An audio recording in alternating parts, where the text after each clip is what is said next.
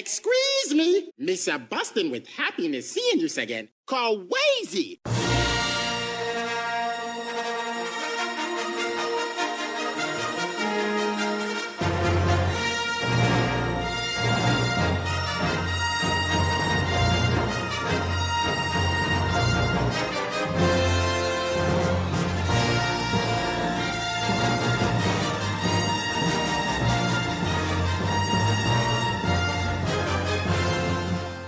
Cześć, witajcie, z tej strony Mikołaj Dusiński, w niektórych kręgach zwany jako Miki D. E, Dzisiaj mamy dla Was coś specjalnego, czyli odcinek poświęcony tylko i wyłącznie no, jednemu z najważniejszych wydarzeń kulturalnych ostatnich tygodni, miesięcy, może lat, czyli epizodowi siódmemu Gwiezdnych Wojen. Oczywiście nie nagrywam tego sam, nagrywam to z ludźmi, którzy równie mocno jak ja nie znają się na niczym, czyli z Grześkiem Wojewodą, czyli Prezem, Cześć. Z Maćkiem Cieplińskim, czyli Razerem A niech moc będzie z wami. i z Amadeuszem Łaszczem, czyli Deuszem. E, witam wszystkich. E, Na początek ostrz- takie po- ostrzeżenie, że w drugiej części audycji będziemy jechali po spoilerach, natomiast zaczniemy od takiej naszej recenzji, wymiany opinii, gdzie postaramy się wszystkich spoilerów omijać. Ale ja nie, ja, ja od razu mówię, że ja nie obiecuję. No ciężko będzie, ale to... Postarajmy się po prostu w drugiej połowie przejść do spoilerów i zanim do nich przejdziemy, to na pewno rzucimy grube ostrzeżenia Mięsem. o tym. Rzucimy Tak jest. mięsem. E, dobra, panowie, to powiedzcie tak, bo to jak już wiemy, jak żeśmy sobie dyskutowali na Facebooku przez milion wiadomości, e, no, nasz poziom zaznajomienia z Expanded Universe i poziom powiedzmy zaznajomienia z grami Star Warsowymi, starymi i tak dalej, i tak dalej jest różny. No może niech każdy z was powie, ile żeście razy oglądali filmy, co żeście czytali, w co żeście grali, albo przynajmniej tak hurtowo, ile tego było. Czyli od kogo mamy zacząć, bo tak Ja bym, uciąłeś... ja bym zaczął od Jesteś Preza, bo on niedoświadczonym ma radiowcem najwięcej do opowiedzenia. No to dobra, to zacznijmy, dawaj Grzesiek. Znaczy, no tutaj nie będę was przynudzał. Ja się interesuję tematem Ja widziałem od, wszystko. od zawsze. Ja nie, nie liczyłem nawet, wiesz, ile razy ja widziałem filmy. Mam szlafrok bo- w czubakę. Dokładnie, widziałem filmy, widziałem Piżamkę filmy we woka! bardzo wiele razy, zapewne tak jak wy wszyscy. E, Z tym, że moja przygoda w ogóle zaczęła się, e, jakby taki fanboystwo moje zaczęło się od Expanded Universe tak naprawdę. Dlatego, że oczywiście ja filmy znałem jako dzieciak, ale nie przywiązywałem do nich większej wagi. E, W 97 roku w moje ręce wpadła książka Shadows of the Empire, e, którą chwyciłem Tak po tym, jak zobaczyłem grę Shadows of the Empire. Tak jest. I, w tym momencie po prostu popłynąłem. E, Wróciłem do filmów, obejrzałem je jeszcze raz, a po Shadows of the Empire chwyciłem za trylogię Trauna i później całą masę innych książek, w tym kompendium wiedzy, encyklopedie gwiezdnowojenne. No ja tego mam całą masę. I jakbym miał wymieniać wszystkie tytuły, to, to, to szkoda by było na to czasu, ale rzeczywiście dużo siedziałem swego czasu w tym. Pamiętam bardzo wiele z tego Expanded Universe, no i przede wszystkim pamiętam wszystko z filmów. Nawet ostatnio je sobie odświeżałem przed premierą e, nowej części. E, Plus gry oczywiście, no też każdy z nas na pewno w dużo pozycji gwiezdnowojennych grywał, e, ponieważ te gry to są pra praktycznie z każdego możliwego gatunku, łącznie ze zręcznościowymi ścigałkami, prawda? Więc każdy trafił na jakąś grę tu czy tam. Ja jako fanboy oczywiście sobie tam wiązałem te wszystkie wydarzenia. Przede wszystkim ważne było dla mnie seria Dark Forces i Jedi Knight. Y, To takie mocne dosyć, y, mocno zakorzenione w tym uniwersum filmowym gry są. Bo ja nie mówię już o Kotorach, które się działy tysiąc lat wcześniej i tak dalej, ale rzeczywiście gry Shadows of the Empire, wszystkie gry z serii Jedi Knight to były dla mnie też takie historie, które należały do kanonu. Także sporo tego było przez lata, nie ma co się... No i komiksy, wiadomo, komiksów też było w PIP. Polecam szczególnie y, Mroczne Imperium y, wszystkim, Tak, którzy tak, lubią Dark komiks. Empire, absolutnie. To Chyba najlepszy nawet. To jest, w ogóle to był fenomen, że to TM Semik wydało w zeszycikach u nas tak zupełnie, Mhm. zupełnie nagle, ja pamiętam, w 97, 8 roku gdzieś. Jest Świetna tak, sprawa. teraz za sprawą tych legend, bo teraz Disney jakby e, skasował Expanded Universe, ale nazywa to legendami i wznowienia oczywiście będą tych wszystkich książek i komiksów i w Polsce już wychodzą u nas komiksowe legendy, więc Mroczne Imperium też jakoś ma się pokazać bodajże w lutym albo marcu przyszłego roku, także jeżeli jesteście zainteresowani tym komiksem, jako to będzie komiks zbiorczy, cały album w jednym, to naprawdę warto, warto to O. kupić. Spoko. No dobra, Na- to na- teraz... jako y, zakup wiosenny. Właśnie, to teraz Maciek, jak to u ciebie wygląda ten poziom hardkorowości? Mm, ja pamiętam, ostatnio sobie przypomniałem, kiedy widziałem pierwszy raz czwarty epizod Gwiezdnych Wojen. To było jak byłem z rodzicami u dziadków I wydaje mi się, że to było jeszcze takie głębokie przedszkole, mogę tak powiedzieć. Czyli miałem tam, nie wiem, z 6 lat może. Coś Wciągałeś takiego. mleko wszystkimi otworami, jakimi się dało. Jeszcze zlizywałeś kożuch z talerza. O, nie, nie lubiłem kożuchów.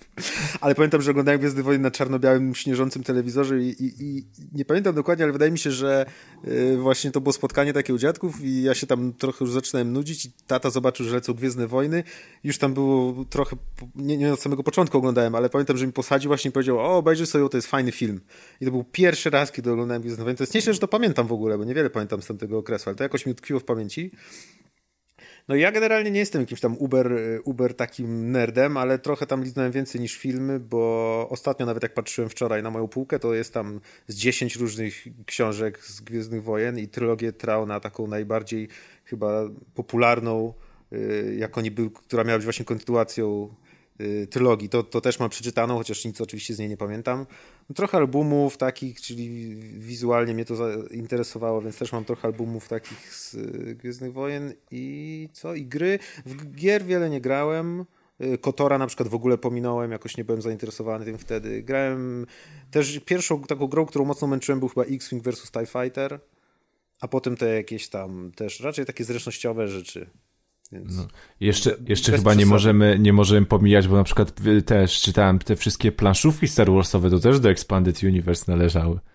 I ja się nie znam na tych planszówkach, figurówkach, ale tam chyba też jakieś fabuły są organizowane, czy też odtwarza się jakieś bitwy, które prawdopodobnie muszą należeć do kanonu, który jest e, aktualnie przeszłym kanonem, ale jednak. Ale jednak, więc to jest też poziom y, gier planszowych.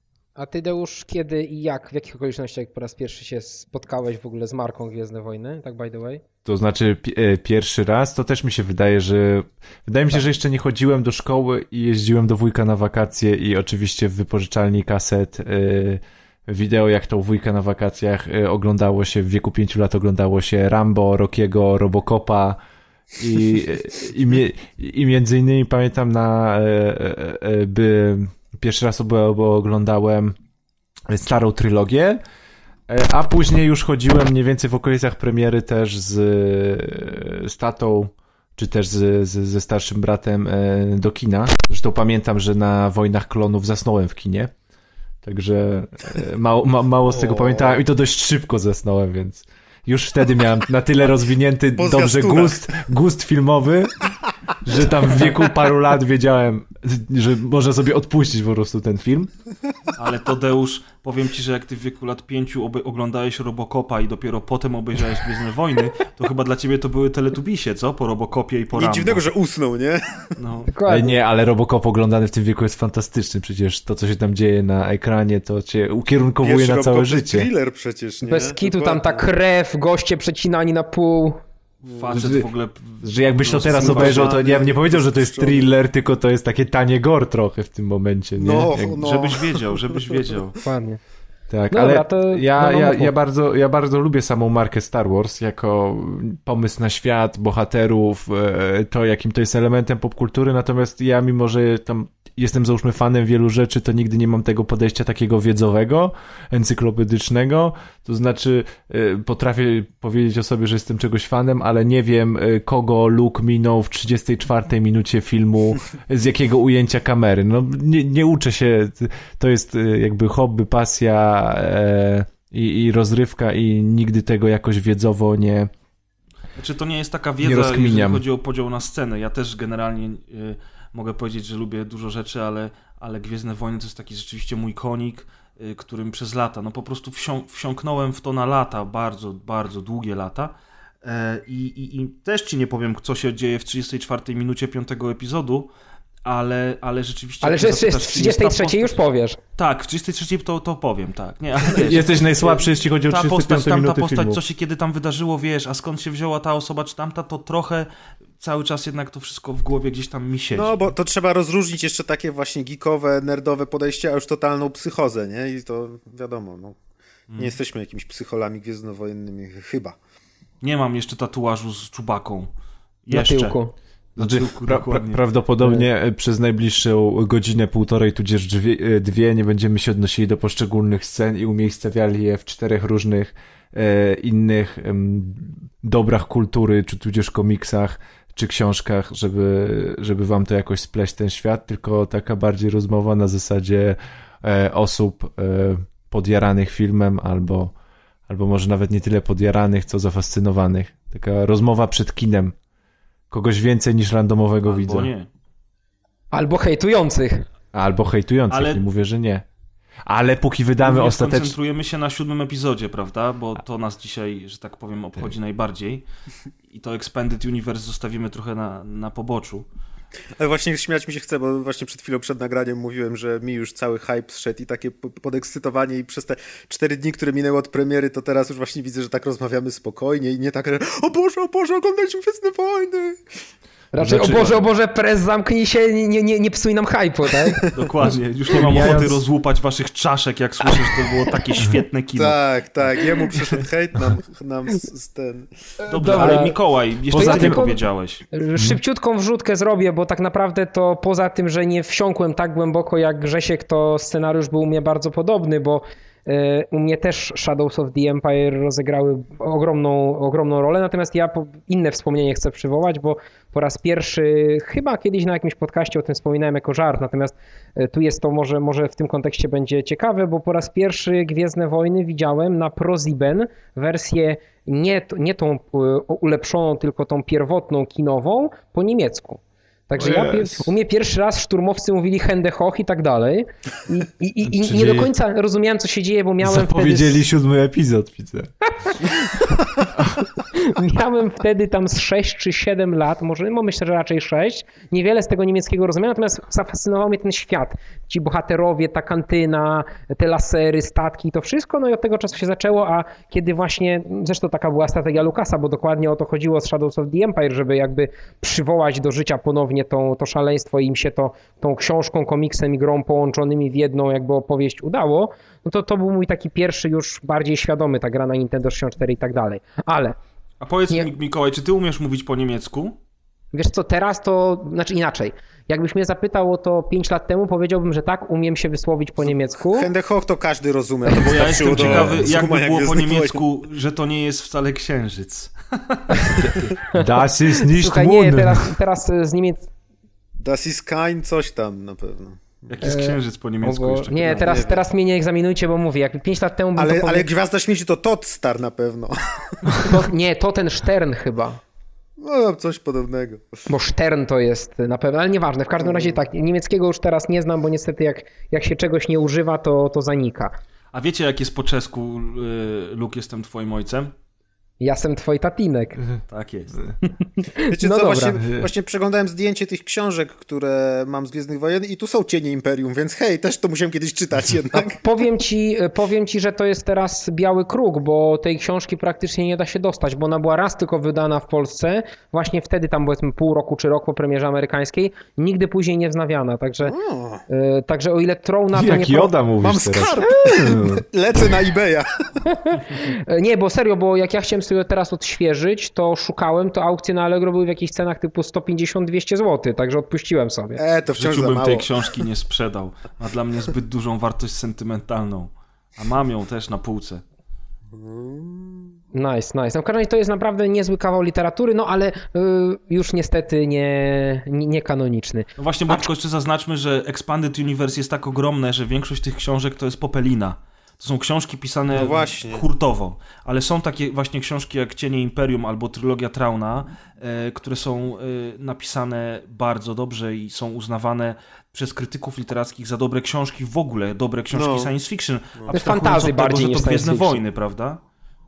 No Gdzie dokładnie. Fantazy, ja ci dam fantazy. No to jest, umówmy się, to Gwiezdne Wojny to nie jest science fiction, to jest y, z fantazji w kosmosie, tak? Chyba, że to już jest moment, kiedy mnie zamordujesz, no. Nie, no, możesz mieć swoje zdanie. No, ja zawsze myślałem, że to science Możesz fiction się jest. mylić, Mikołaj, po prostu. Lubię cię, nie potępiam cię. You have the right to be wrong. Dobra, Wejdźmy na Google i zobaczymy, ale to już Eee, później, czy to, to to może- science fiction, czy fantazy. słuchajcie, to może do filmu, tak? Bo e, ja oglądałem go na razie dwa razy, widziałem go zaraz po północy w czwartek i potem poprawka w IMAXie, bo to było w 2D z napisami, potem w IMAXie 3D o 20, o 19 czy o 20 w piątek. Wy żeście byli po razie? Nie, ty Grzesiek byłeś chyba dwa razy, tak? Ja byłem na razie raz. Raz, okej. Ale widzieliście w 3D czy w 2D film? Ja w 3D. 2D. Ja w 2D, ponieważ ja 3D nie mogę oglądać z uwagi na chroniczne bóle głowy przy 3D technologii, która jest stosowana w kinach. Dużo nie A- tracisz, Deusz, bo tam 3D nie jest dla mnie żadnym objawieniem. Ale z E, drugiej strony ci nie zazdroszczę. Ale wiecie co, te 3D w tym filmie mnie nie raziło, bo w wielu filmach mi ono przeszkadza i wkurza, a tu mnie jakoś niespecjalnie nie raziło.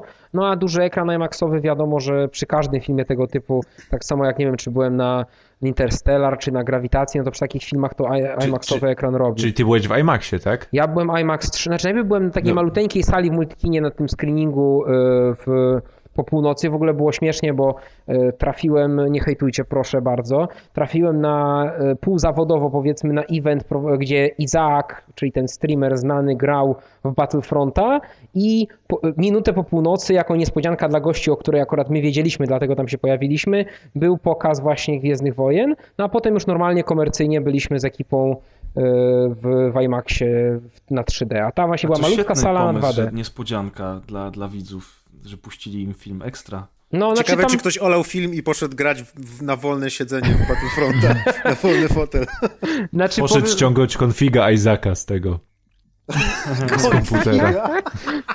Oj, tu Deusz, widzę, klawiaturstwo jest tobie mocne po zakupie nowego kompa. Nie no, proszę cię, konfigi to ja już znałem. Jak, byłem Podstawa. po- jak w podstawóweczce byłem i to już były konfigi, także... Ja tylko chciałem powiedzieć a propos właśnie kto kiedy się wybrał i tutaj będzie taki poważny hejt z mojej strony, absolutnie nie do filmu.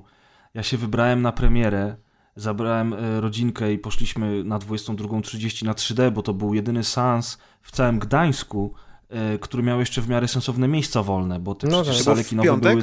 Tak, po, e, wypchane ludźmi po brzegi. Udało mi się znaleźć takie miejsca, gdzie jeszcze było w ogóle sens iść do kina. A poszedłem dlatego, że w czwartek na Facebooku na grupie o Battlefroncie, gdzie ludzie umawiają się na granie na pececie, jakiś ananas wrzucił spoiler z filmu. I po prostu dostałem nim po gębie i się tak wściekłem, że stwierdziłem, że dobra, do poniedziałku to ja już będę znał całą fabułę, więc następnego dnia w pracy po prostu kupiłem bilety przez internet i poszliśmy. Ale bardzo mnie to zniesmacza, co ludzie robią w internecie, bo od tamtej pory, czyli minęły trzy dni od premiery, widziałem już taką masę spoilerów wszędzie, łącznie z fanpage'ami, które zajmują się zupełnie czymś innym niż filmy i na przykład admini tych fanpage'ów w ramach żartu o, wrzucają posty z informacją, a to i tam to się dzieje w filmie, nie? To jest po prostu, to jest niestety domena naszych czasów. Y, Złośliwość w internecie i po prostu zwykłe hamstwo. Ja wiem, że nie wszyscy przejmują się spoilerami, ale mnie to po prostu wyprowadziło z równowagi. No ja na przykład, ja na przykład w ogóle nie wybierałem się w piątek i zamierzałem pójść w ogóle po świętach w trochę spokojniejszym okresie, poczekać sobie na środę, kiedy bilet będzie 3 zł tańszy w ogóle, ale też przez to, jaki hype się budował, to po pierwsze, a po drugie, że właśnie ludzie, sp- spodziewałem się, że kurde, przecież dwa dni po premierze już będą tak cały internet zawalony spoilerami, że to straci sens, więc też y, zagryzłem zęby, znalazłem trochę czasu i poszedłem najszybciej jak tylko mogłem. Ja byłem w kinie na seans na 14.30 i na sali całkiem sporej było może ze 20 osób w sumie i raczej wszyscy w takim podobnym wieku do mnie, więc uniknąłem jakiejś tam dzieciarni machającej świecącymi mieczami przed oczami. Y, Ale na przykład śmieszne, co zauważyłem, że koło mnie siedział chłopak, który ewidentnie chyba nie poszedł jednak w piątek do szkoły, bo miał plecak i ten i siedział taki sam i myślę, że jakbym Myślę, że bawił wieku... się wybornie. Tak, jakbym był w jego wieku, to, te, to ja bym był nim po prostu, że zamiast w piątek siedzieć na chemii, to poszedłbym Dokładnie. sobie potem na koniec do kina. Nie popieramy wa- e, w- e, wagarów, ale w takim momencie propsy wieczne. Słuchajcie, dobra, to ja w takim razie ktoś musi zadać to pytanie y, bardzo, że tak powiem, schematyczne, ale jak wam się podobało, tak ogólnie, na początek? Może zacznijmy od Grześka, bo to nam zdynamizuje audycję, że tak powiem. Znaczy, tak, Takie bluzgi zupełnie, na początek? zupełnie obiektywnie powiem tak, że film jest bardzo fajnym filmem y, rozrywkowym, z całą masą świetnych ujęć, dobrze zmontowanym. Bardzo mi się podobał humor w tym filmie, bo on nie jest taki nachalny i bardzo celny jest. Ja się, ja się wielokrotnie uśmiałem na, na, na tym filmie przez pierwsze pół tego filmu, bo przez drugie pół filmu już Płakałeś. facepalmy leciały. Nie, tylko facepalmy leciały, wiesz, yy, na twarz. Ja siedziałem z moją rodzinką, jeszcze z koleżanką i generalnie rzecz biorąc wszyscy byli wściekli, bo oni siedzieli, wiesz, uśmiechnięci od ucha do ucha, poza moją przyjaciółką, która też od dziecka jest wielką fanką Star Wars i zupełnie nie ma nic wspólnego z Expanded Universe. E, I ona miała takie same odczucia jak ja. Grzesiek tam w całej rodzinie facepalmy robił, był za takiego facepalmowicza. Tak, ja tak wstawałem, po, podchodziłem do ojca, do mamy, do brata, do dziewczyny mojego brata i tak wszystkim facepalma robiłem. Co się cieszyć? Przestań się kurwa cieszyć, wiesz. Nie. Ale faktycznie, naprawdę, film jako warsztatowo film jest świetnie zrobiony. Abrams jest dobrym rzemieślnikiem, to wszystko jest fajnie zrobione, yy, tylko że treść tego filmu zupełnie mnie po prostu zniesmaczyła, to jest jedno. No i powtórka z rozrywki, jakim ten film jest dla mnie, yy, po prostu jest to klon yy, Nowej Nadziei i te dwie rzeczy to są rzeczy, do których ja mam y, cały czas y, po prostu mm, obiekcje, dlatego że ja wiem, że Expanded Universe zostało skasowane, ja na to nie, nie wpłynę. Ja nie będę siedział i nie będę płakał w internecie, że oddawajcie mi moje cienie Imperium, bo to nie ma sensu. Ale, ale ja tylko koncentrując się tylko i wyłącznie na tym filmie w kinie, wyłapałem taką masę nieścisłości, głupot i takich strasznych zapożyczeń, że mi po prostu było przykro. Ja nie potrafiłem się. Pierwsze pół filmu super. Drugie pół filmu kalka z Nowej Nadziei. Ja nie potrafiłem się już dobrze bawić na tym filmie. Do samego końca. No niestety, takie jest moje zdanie. A jakie jest wasze zdanie? Znaczy ja tylko powiem a propos Expanded Universe i Shadows of the Empire, bo ważna informacja mi się przypomniała, że chociaż cienie Imperium kanoniczne nie są, e, to statek Dasha Rendara już jest. Bo... Z jakiej paki?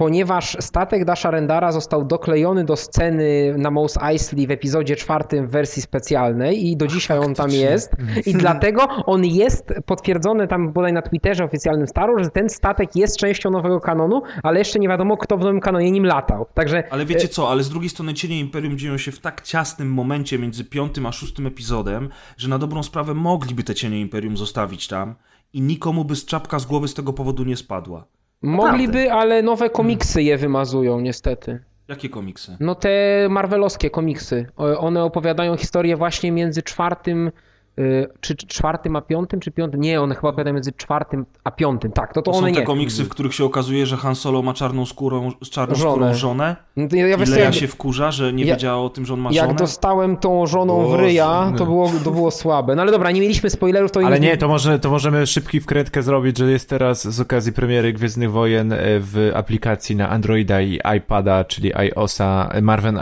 Marvel Unlimited za darmo przez miesiąc. Y, gdzie można sobie można ponadrabiać. Się można się naczytać. Także to taka A co to jest wkrętka. Marvel Unlimited? To jest taka aplikacja, że możesz te wszystkie komiksy za darmo To jest tak, tak długo, Spotify dla, komikso, dla komiksów Marvela. Super, super. To to chyba sprawdzę. I na hasło Force zdaje się. Tak, ta, no ale to jest na głównej stronie się wyświetla wielki napis, więc to tam trzeba mieć ze 60 IQ, żeby tego nie znaleźć, co tam trzeba wpisać. Na ja myślałem, tam trzeba wpisać, że siódmy epizod z sie i wtedy masz wszystkie komiksy. Nie, tam jest okay. Onion hasło. On, onion.pl Dobre, dobre. Dobra, e, no to e, okej, okay, no to myślę, że co do aspektów technicznych, to w miarę się tak, w miarę czuję, że będziemy się zgadzać. Znaczy, że film od strony takiej realizacyjnej był super. Cukierek że zarówno plenery, bo mi na przykład się bardzo plenery podobały, e, ale i efekty specjalne. Ja miałem tylko tak naprawdę, jeśli chodzi o technologię, to miałem trochę problem z tymi postaciami, które były CGI-owe, bo mhm.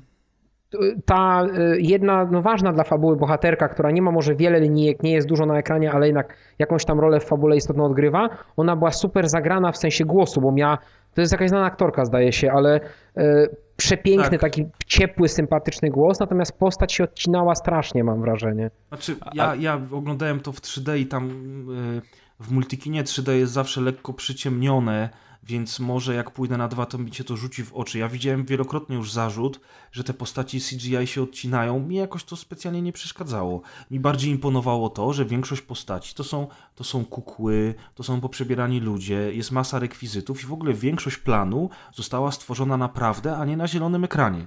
Tak. No i właśnie widać dlatego... i czuć. Pojazdy, roboty. To, to widać i czuć, ale właśnie dlatego te postaci się odcinają, odcinają zarówno mas Kanada, Maskenada to jest taki taniec, z tego co pamiętam w ogóle. Tak, więc Mas po prostu, zarówno Mas się odcina, jak i główny, zły, najbardziej gor, najgorszy ze wszystkich. Po prostu przez to, że, że wszystko inne zrobili świetnie tą mechatroniką. Przecież ta nowa kantyna Mos Eisley tak zwana, czy coś, mm. jest wypełniona postaciami, które są żywe, naprawdę mają przygotowane te wszystkie kostiumy i przez to, że właśnie tego nie rozumiem, dlaczego zrobili 99% postaci fizycznie i 1% To znaczy- komputerowo, z czego właśnie dwie postacie są w sumie ważne, bo że na przykład handlarz na planecie jest zrobiony komputerowo, to nie przeszkadza, bo on jest kilka minut tylko na ekranie. Ale No, wy- nie- Nie Wyobrażasz jest so- wyobrażasz sobie- Simon Pegg. Ale to jest twarz jest- kostium. Nie. Nie, to jest maska. Handlarz, handlarz na planecie, który skupuje od nich sprzęt w zamian za racje żywnościowe, to jest Simon Pegg. Jestem to jest prawie postać... pewien, że on ma CGI, to, To może jest ma CGI. dodawane coś z CGI. No to na słuchajcie, pewno no dzisiaj nawet, dzisiaj nawet czytałem artykuł o tym, że Simon Pegg yy, No występował on grał, ale on, i- wiesz, po prostu zamienili mu twarz na końcu. On grał, robił ruchy ciałem i tak dalej, ale wydaje mi się, że ta, ta twarz Ale są na nawet jego takie zdjęcia, jak on siedzi w takim kostiumie wielkim. właśnie. tylko Tak, ale bez twarzy. No właśnie, bo głowę mu dorobili komputerowo, głowa a jest jakby mu CGI. Zrobili ten, jakby mu zrobili właśnie, no... Głowa jest doklejona, bo on ale na on jest planie... taką mniejszą postacią, to nie przeszkadza. Ale właśnie Mas jest bardzo ważna i kurde, jak ją zobaczyłem w kinie, jak wyglądała jak właśnie postać z psychonautów, ten główny bohater. Oj tak. I sobie myślę, o Jezu, nie, dlaczego? Przecież tak dobrze było do tego momentu. Znaczy, znaczy to jest bardzo proste. Mas jest bardzo ważną postacią y, w tym filmie. Potem, jak będą spoilery, to powiemy dlaczego. I jest ona po prostu kopią Jody. No sorry, ale Joda ale to był jest kopia zrobiony Jody. mechatroniką w starej trylogii. Wiem, Dało się ale i Yoda wyglądał w starej lepiej niż ten trylogii jest już komputerowy. kwadratowy. Joda w starej trylogii już jest kwadratowy. Widać, że te ruchy jego No są ale kwadratowe. Przecież też A- mechatronika poszła do przodu, więc No spokojnie tak, zrobili ale uważ, ale myślisz, żeby zrobili postać, gdzie jest granie to, tym, bo, bo to nie jest spoiler, że powiemy, że tam się liczą oczy w tej scenie, tak, to co ona jakby Tak. gra, emocje i twarzy. I mi się wydaje, że tego byś nie oddał tej sceny, bo Ale w tej to można by scenie było, to, co wiesz, cię można- przykuwa, to jej twarz. No Że to przed jeśli jest do tej... na ten stół, jest taka dosyć zwinna. Tego byś mechatroniką nie zrobił. Przed, nawet przed wejściem do tej kantyny, jakby widz, widz dostaje w, jakby w twarz, bo jest, to też nie, chyba nie jest spoiler, jeśli powiem, jeśli w pewnym dialogu dostaje w twarz, że widz, że musi się skupić tak na jej twarzy, że coś z tą twarzą będzie, że ona będzie jakby prowadziła tą fabułę i, i, i te emocje wzrok, więc mi się wydaje, że może e, to gdzieś tam oni próbowali jakoś to kostiumowo rozegrać, ale, ale No nie gdzieś się ja tego nie dało oddać. Mi, mi się wydaje, że po pierwsze wolałbym zrobioną trochę mniej, może taką wyrazistą, ale jednak mniej odcinającą się zdecydowanie od tła, czyli żeby była jednak kukłą, a mo, może by tak dobrze nie zagrała, ale mimo wszystko by się nie odcinała. Poza tym, jeśli te oczy były takie ważne, no to chociażby oczy je tylko by komputerowo zrobili, resztę zostawili. No nie wiem, to, to była jedna z tych rzeczy, które mi najbardziej przeszkadzały, bo tych rzeczy wbrew pozorom było dużo, Yy, ale one nie, nie, nie rzutowały mnie tak bardzo jak u Grześka na, na ten film. Czyli mi też się sporo rzeczy nie podobało i dlatego dla mnie to nie jest film 10 na 10. A, i, I to jedną z tych rzeczy właśnie najważniejszych jest to, że to była komputerowa postać. Dobra, Maciej, ale prawda jest taka, że większość tego filmu jest zrobiona y, przy pomocy rekwizytów i mechatroniki i te parę efektów CGI, no to chyba już tak się trochę na wyrost czepiamy, co? Że, wiesz, żyjemy w czasach, gdzie większość rzeczy jest robiona w komputerze i... Znaczy, Znaczy, mówię, nie, no, to, to się, ja to się wybija absolutnie- właśnie dlatego, że większość nie jest zrobiona. Gdyby było więcej komputerowych rzeczy, tak jak w prequelach, to nikt by tego nie zauważył. A przez to, że już masz wszystko tak zrobione, no to to jest taka ta łyżka dziegciu. Nie? Moja ulubiona scena z prequelów jest w drugim epizodzie, jak Anakin z Padme jeżdżą na tych świniakach na polanie. Boże, była... Scena y, życia. Znaczy, ja wam powiem tak, y, żeby właśnie, żeby słuchacze mieli jasne, m, myślę, jasną opinię, no my się zgadzamy co do tego, że wykorzystanie tych praktycznych efektów to był mega dobra decyzja, tak? To, tak Ale to- takie to nie mogło- lubimy, nie tak mogła być inna Maxem, decyzja. Nie? Że, To znaczy z Mad Maxem, z Mission Impossible, w ogóle to jest rok filmów, gdzie się wróciło trochę do, do Dobrej starej rekwizytów, do kaskaderki i, i z pominięciem jakby robienia wszystkiego w CGI. Znaczy ten, ten jakby rzut kina w erze Transformersów e, i takiego kina akcji, gdzie tak naprawdę cały film mamy tego- 20 dni zdjęciowych, a potem e, 4 miesiące pracy nad efektami specjalnymi i jeszcze 14 ko- miesięcy, chłopie. kopiowanie, kopiowanie samych siebie, te przeklejanie wybuchów i w ogóle I kręcenie, kręcenie filmu z wirtualnego drona i nagle mamy powrót do takich fajnych rzeczy, to jest oczywiste, to, to jakby to, ten krok był nieunikniony. Czy mi się wydaje, że jeśli to, by- to by- byłby powrót do CGI, a jeszcze do takiego e, totalnie e, właśnie maksymalnego, to To, tak ludzie jak- by to tak zjedli twórców. Tak jak właśnie prequele by, były kręcone, jak oglądałem te analizy Mr. Plinketa i on tam pokazywał zdjęcia z salonu, to było niesamowite, bo siedział George Lucas, trzy osoby, kamerzysta, wielki zielony pokój i dwóch aktorów ze sobą rozmawia Nie, to znaczy- i, i jest Tak, ale to 50 był ten moment, kiedy Lucas wprowadził CGI do dużego kina. Tak, Powiem ale wam, tam, ale że- tam po Prowadził, prostu, wiesz. tam, tam nawet jakby mieli nakręcić scenę w białym pokoju, to nie znaleźliby białego pokoju, tylko by zrobili go komputerowo, nie? Tam po prostu Ale ja wam wszystko- powiem, że ja wszystko, sobie szybka wkrętka sobie też oczywiście przez ostatni tydzień przypomniałem e, wszystkie, nie tylko trzy, starą trylogię, ale wszystkie sześć filmów. I e, ty mówisz o tej scenie, e, e, e, jak Anakin jest z Padme na tej polanie i są te owłosione mamuty, ale moim faworytem jest scena, e, kiedy senator, e, kiedy e, tam senator z Radą Jedi rozmawia w jakimś tam pomieszczeniu, tak?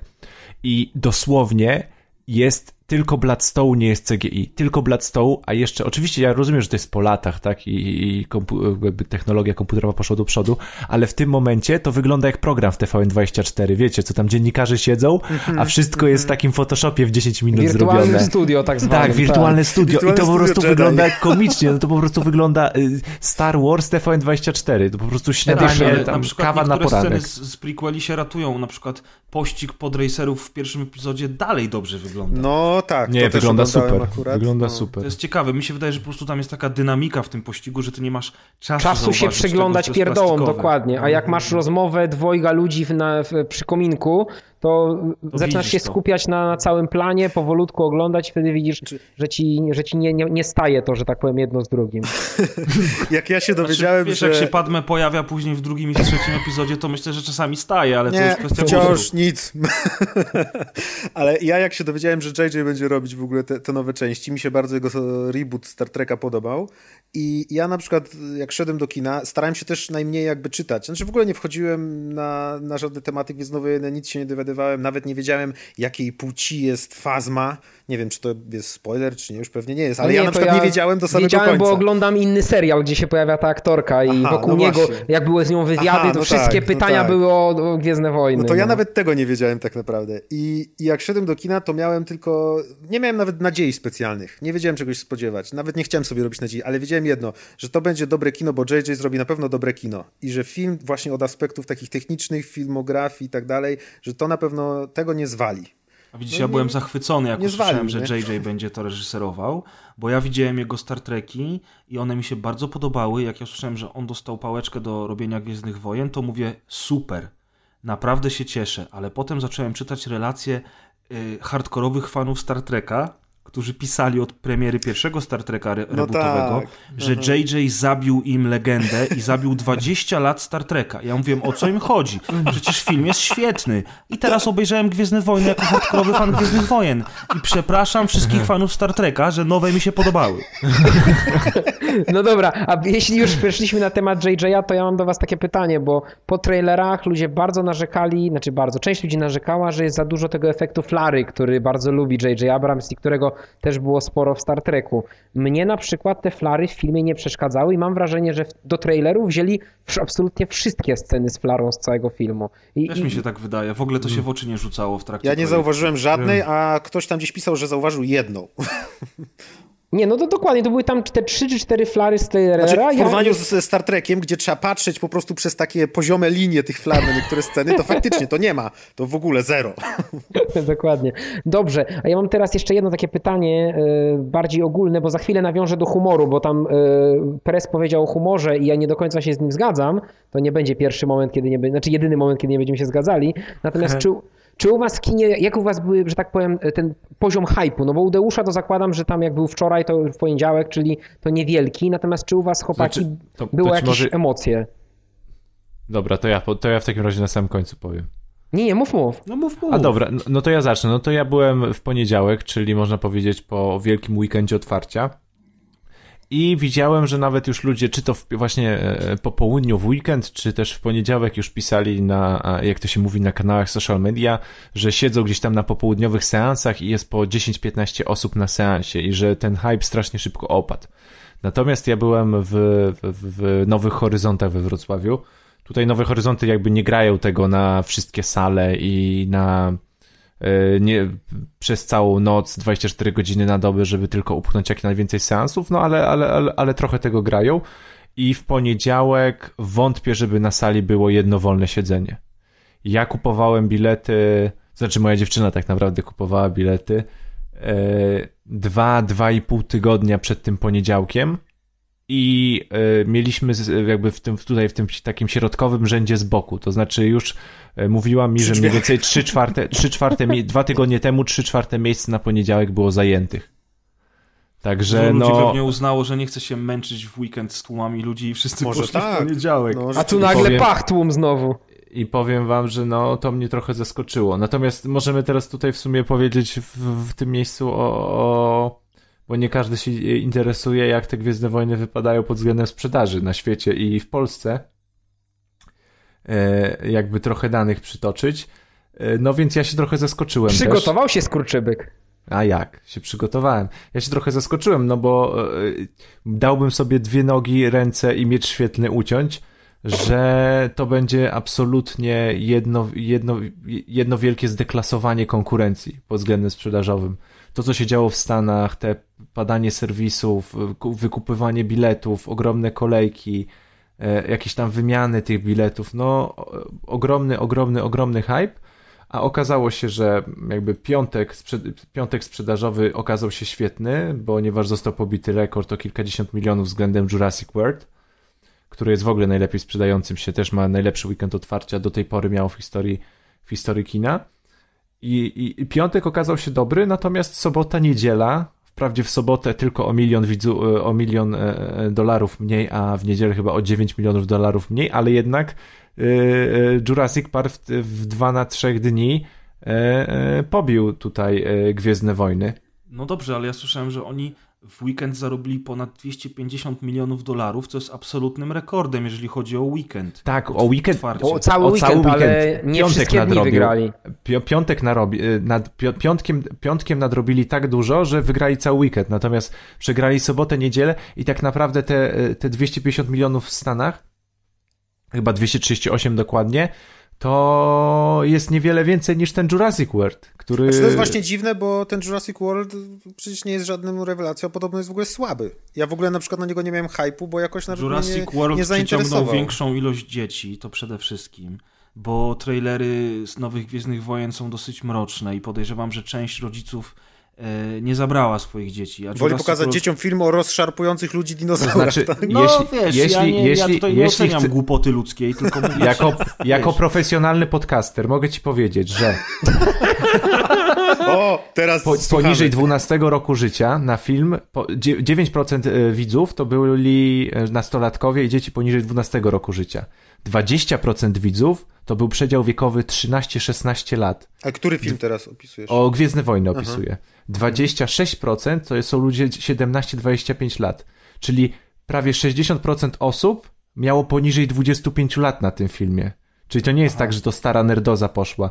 24% to jest przedział wiekowy 35-49 lat i powyżej 50 lat to tylko to jest 13% widzów. Bo to Więc tak- dziadkowie, co przyszli z tymi najmłodszymi. Więc no jednak to nie jest tak, że to e, tutaj e, sentyment zagrał i, i, i starsze pokolenie posz, e, tam gruchnęło na ten film.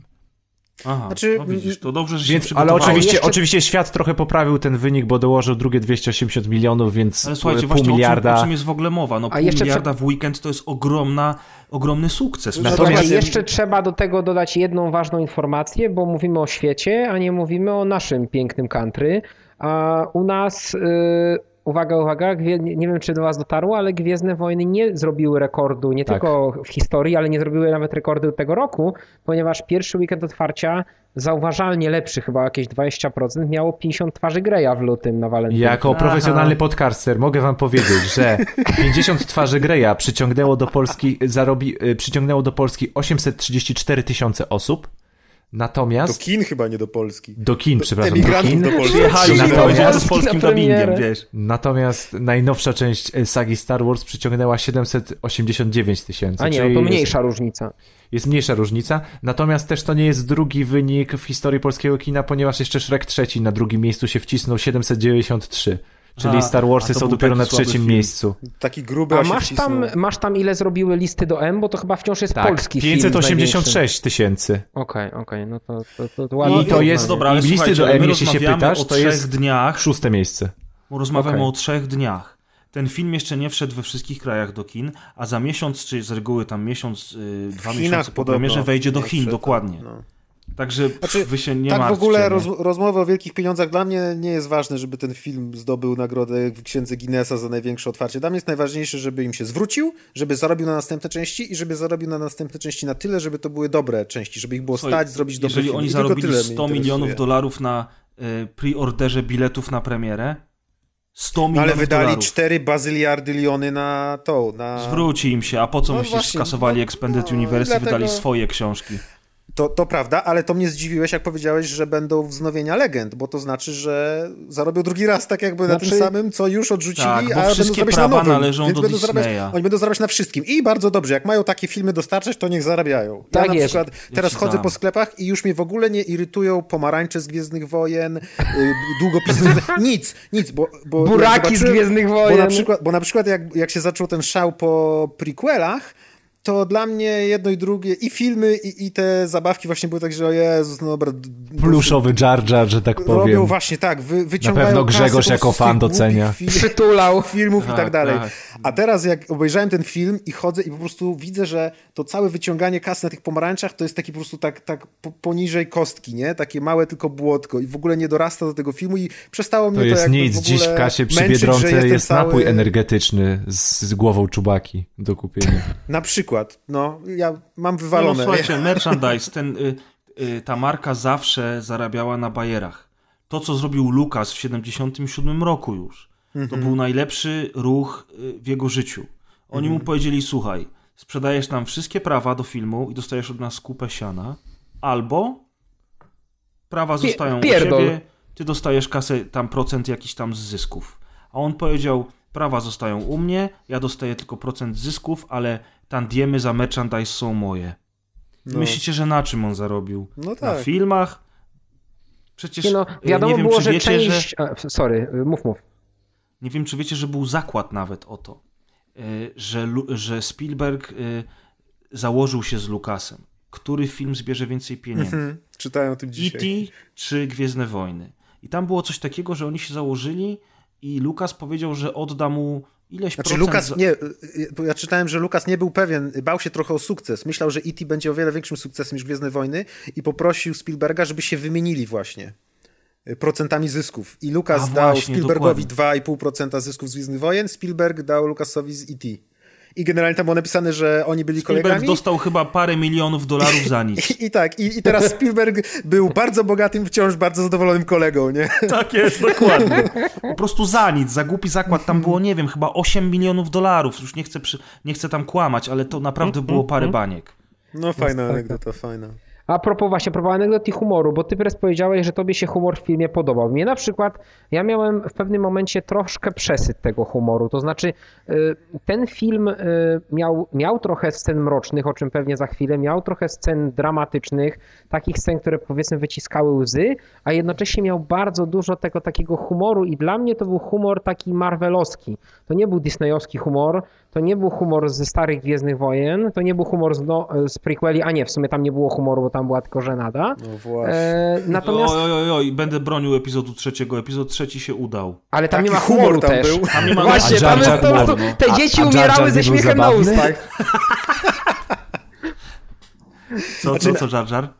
No, Jar Jar nie był zabawny? Mi był. ale... No przecież jak No. spojrzysz na recenzję z 99 roku, to recenzenci z największych magazynów na świecie piszą, że to jest film idealny, geniusz, a Jar Jar Binks to jest taki comic relief, że już dawno takiego nie było Jar Jar jest kluczem kina. do tego wszystkiego. George przecież sam mówił. Dokładnie. Natomiast y, y, ja miałem wrażenie, że to jest taki humor, który ja łykam w Avengersach, ja łykam w Ant-Manie, a tutaj ja tego humoru niekoniecznie łykam. E, mi się bardzo podobał Maćka komentarz, nie wiem, czy to było na naszym wątku prywatnym, czy na grupie, ale o tym, że miał wrażenie, że zaraz ten Murzyn zacznie tam już rzucać... Tak, tak. Znaczy, ja w ogóle e, trochę się zaskoczyłem tym humorem i on mnie zaskoczył i oglądałem go tak i, i przez te pierwsze kilka żartów nie wiedziałem w ogóle, jak na to zareagować. Jeszcze w ogóle chłonąłem wtedy tą, tą, tą atmosferę. W ogóle pierwsze pół godziny filmu jest tak genialne, że nie pamiętam moich reakcji w ogóle. Tak, pierwsze pół godziny filmu jest naprawdę, naprawdę dobre otwarcie jest mega, robi takie wrażenie, usta mnie ustawiło już na całą resztę, ale w każdym razie na początku nie wiedziałem, jak zagrować na te żarty, a potem nagle jakby dostałem takiego olśnienia, że zaraz, przecież oryginalna trylogia też miała mnóstwo takich żartów sytuacyjnych, nie była poważnym filmem, a po drugie te żarty bardzo mi się skojarzyły, tak jak i cały film zresztą, z takim kanonem kina przygodowego, y, jak na przykład Indiana Jones takie kino y, Nowej. Przygody. To, no też takie... Lukas zresztą, nie wiem czy tak, wiecie. Tak, tak. Chodzi mi o to, że te żarty są zupełnie inne niż na przykład w filmach przygodowych, powiedzmy, które były później, w latach 90., 2000 czy coś. To jest takie, takie, takie, takie klasyczne kino przygodowe. Nie wiem jak to nazwać. Od razu mi się skojarzyło z Indianem Jonesem, który z jednej strony był poważny, z drugiej strony miał mnóstwo żartów i o, tam to było głównie, to było prawie jak komedia, ale to były tak dobre żarty i nie takie nachalne i nie takie, że teraz zrobimy coś, pokażemy wam coś śmiesznego, będziecie się śmiać, tylko takie jakoś tak właśnie wplecione w taki specyficzny sposób. I to samo właśnie odkryłem w tych samych, w tych Gwiezdnych Wojnach, jak teraz oglądałem, poza kilkoma pojedynczymi momentami, kiedy, tak. kiedy to było trochę przesadzone i kiedy wydawało mi się, że nie, dobra, to już jest za bardzo właśnie ziomalskie, albo to jest jakieś... Było kilka tych momentów i w sumie nawet nie, nie przeszkadzały mi. Humor mi się bardzo podobał, nie spodziewałem się tego, że będzie tak dobrze. Tak samo jak bałem się, że na przykład BB-8, czyli ten okrągły nowy droid, będzie po prostu tylko kolejnym zapychaczem dla dzieci y, po to, żeby sprzedać więcej zabawek, a tak absolutnie nie było, co mnie po prostu zachwyciło też. No właśnie chciałem powiedzieć, że BB-8 był świetnym, że tak mm. powiem, rozszerzeniem Artuditu, to znaczy był zupełnie inny, ale był, ale był mega śmieszny i on w sumie... Pełnił tą właśnie... samą rolę, a tak był jest. innym bohaterem. Ale, w innym był inny, stylu. dokładnie. I on nie mhm. był zapychaczem. Z mhm. kolei Finn, y, o którym mówicie, on, ta postać mi się bardzo podobała uważam, że była fajnie zagrana, ale te ziomalskie dowcipy, które były tam w pewnym momencie, jak tam coś tam Han pokazuje mu głową, a on mówi, ej, ej, ej, co ty, co ty, co ty mi tam pokazujesz, coś ty wiesz, takie to były dowcipy w stylu Ediego Marfiego albo Chrisa Rocka. Trochę e, tak. Czy, czy, Ojej, czy, no. czy komików, z, czy komików w stylu tego Kevina Shorta. One, tam były ze dwa takie trzy wstrzyki, więc to ogólnie w odbiorze postaci mnie przeszkadzało, ale rzeczywiście były. Można to, to moim zdaniem, moim zdaniem Harrison Ford skradł w ogóle ekran. I on rzeczywiście hmm. był trochę zbyt zabawny. Tam faktycznie mam wrażenie, że w tym filmie było więcej dowcipów niż w całej oryginalnej trylogii razem, ra, razem wziętej, ale po prostu te dowcipy były w miarę y, zazwyczaj znaczy, wyważone. One mi się nie rzucały pan... w twarz na zasadzie ej, comic relief, teraz macie mhm. się śmiać. Mhm. One mnie zaskakiwały. Dokładnie, one dobre. były w trakcie fabuły. Oni nawet nie, nie stopowali, żeby człowiek miał czas się zaśmiać, nie? Tylko oni tak. mówili coś śmiesznego i robili to dalej. Nie było takiego, że teraz będzie dowcip, teraz się pośmiecie. No właśnie o to mi chodziło. To jest ten inny, inny rodzaj poczucia humoru.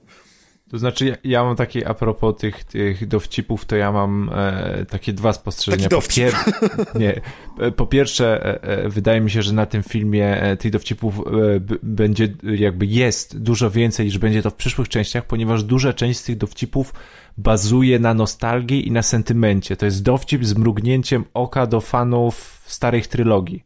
No tak, ewidentnie. Du, du, duża część tych dowcipów właśnie na tym bazuje. No, częściowo tak. Natomiast y, jeśli mówicie o, o gdzieś tam e, o, o innych dowcipach i w ogóle jak one pasują do fabuły, to gdzieś tam ich duża ilość nie, nie, nie, nie podpasowało mi w ten sposób, że mm, no w tej galaktyce się zdarzyło coś niedobrego. W sensie, no się ewidentnie e, e, posypało na różnych frontach i nagle ten film w bardzo szybkim czasie skleja kilka rzeczy, i ci bohaterowie tak jakby żartują, w sensie z takiej, jakby podniesienie się z takich jakby tragicznych wydarzeń następuje bardzo szybko, ta intensyfikacja zdarzeń i oni już są, oni żartują e, w tej fabule, nikt się nie wdraża, nikt się nie wyłamuje. I, i, to, to, to, to, mi też się trochę e, zgrzytnęło w, we wprowadzeniu postaci samego Hanna Solo, ale to już jak będziemy bardziej o spoilerach mówić, to wam Aha. mogę o A to ja powiedzieć. tego nie zauważyłem na przykład. Mi w ogóle tego nie odczułem. Znaczy właśnie, słuchajcie, czy są jeszcze jakieś punkty, które chcielibyśmy poruszyć, zanim e, zrobimy jingla i przejdziemy do, do, do, do takiego już hardkorowego spoilowania? Mm, trzeba by pomyśleć, co jest spoilerem, o czym byśmy chcieli powiedzieć. No a propos nerdowskiej, e, fanowskiej nerdozy i rozkładania filmu na czynniki pierwsze, to jeszcze muzyka, można powiedzieć, że unika spoilerów. No tak, No. no to jeśli chodzi o muzykę, to ja wam powiem, że ja byłem y, na tym pierwszym pokazie i w sumie na drugim też z moim bardzo dobrym przyjacielem, który jest tak trochę jak Grzesiek, czyli chodzącą encyklopedią Gwiezdnych Wojen, ma y, u rodziców w rodzinnym mieszkaniu, ma całą szafę książek, gadżetów i komiksów i tak To dalej. fajny gość. No, no, myślę, żebyś się z Michałem zajebiście dogadał, bo ma może nie tak ostrą jak ty opinię, ale, ale wystawił szóstkę na Filmwebie chyba temu filmowi, gdzie stare, gdzie prequele, gdzie, gdzie prequelom dał siódemki chyba.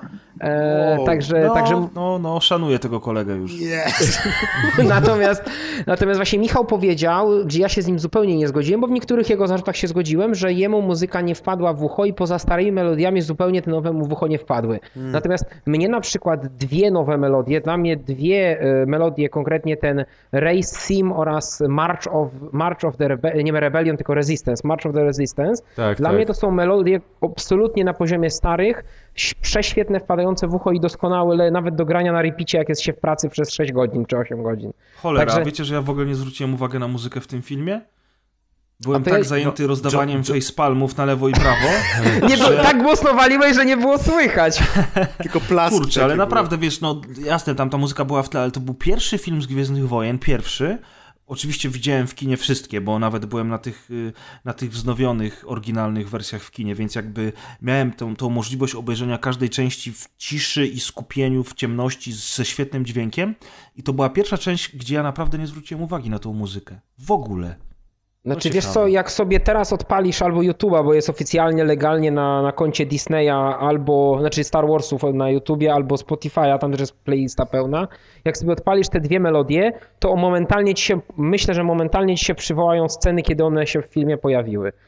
E, Także tu, tak tu myślę, że, że to, to polecam każdemu, kto tak mówi, że muzyka jest mało charakterystyczna, bo może byłeś skupiony na akcji i dlatego tak bardzo tego, albo na facepalmowaniu, Mhm. a, a, już, a już jak sobie na spokojnie teraz gwarantuję ci, że, że skojarzysz. Także ja muzyki nie hejtuję, ja uważam, że o ile wiadomo, no John Williams już młodszy nie będzie i może jest mniej kreatywny niż 30 lat temu, ale i tak przebija większość a- aktualnych kompozytorów muzyki No, filmowej. sz- sz- szczególnie, że Abrams powiedział, że tak naprawdę się nie wtrącał do tej muzyki i zatwierdzał tak naprawdę co leciało i dał bardzo dużą swobodę twórczą e, Williamsowi. I tak No, z Williamsem się i... chyba nie dyskutuje, wiesz, to jest na takiej Więc, zasadzie, no, że...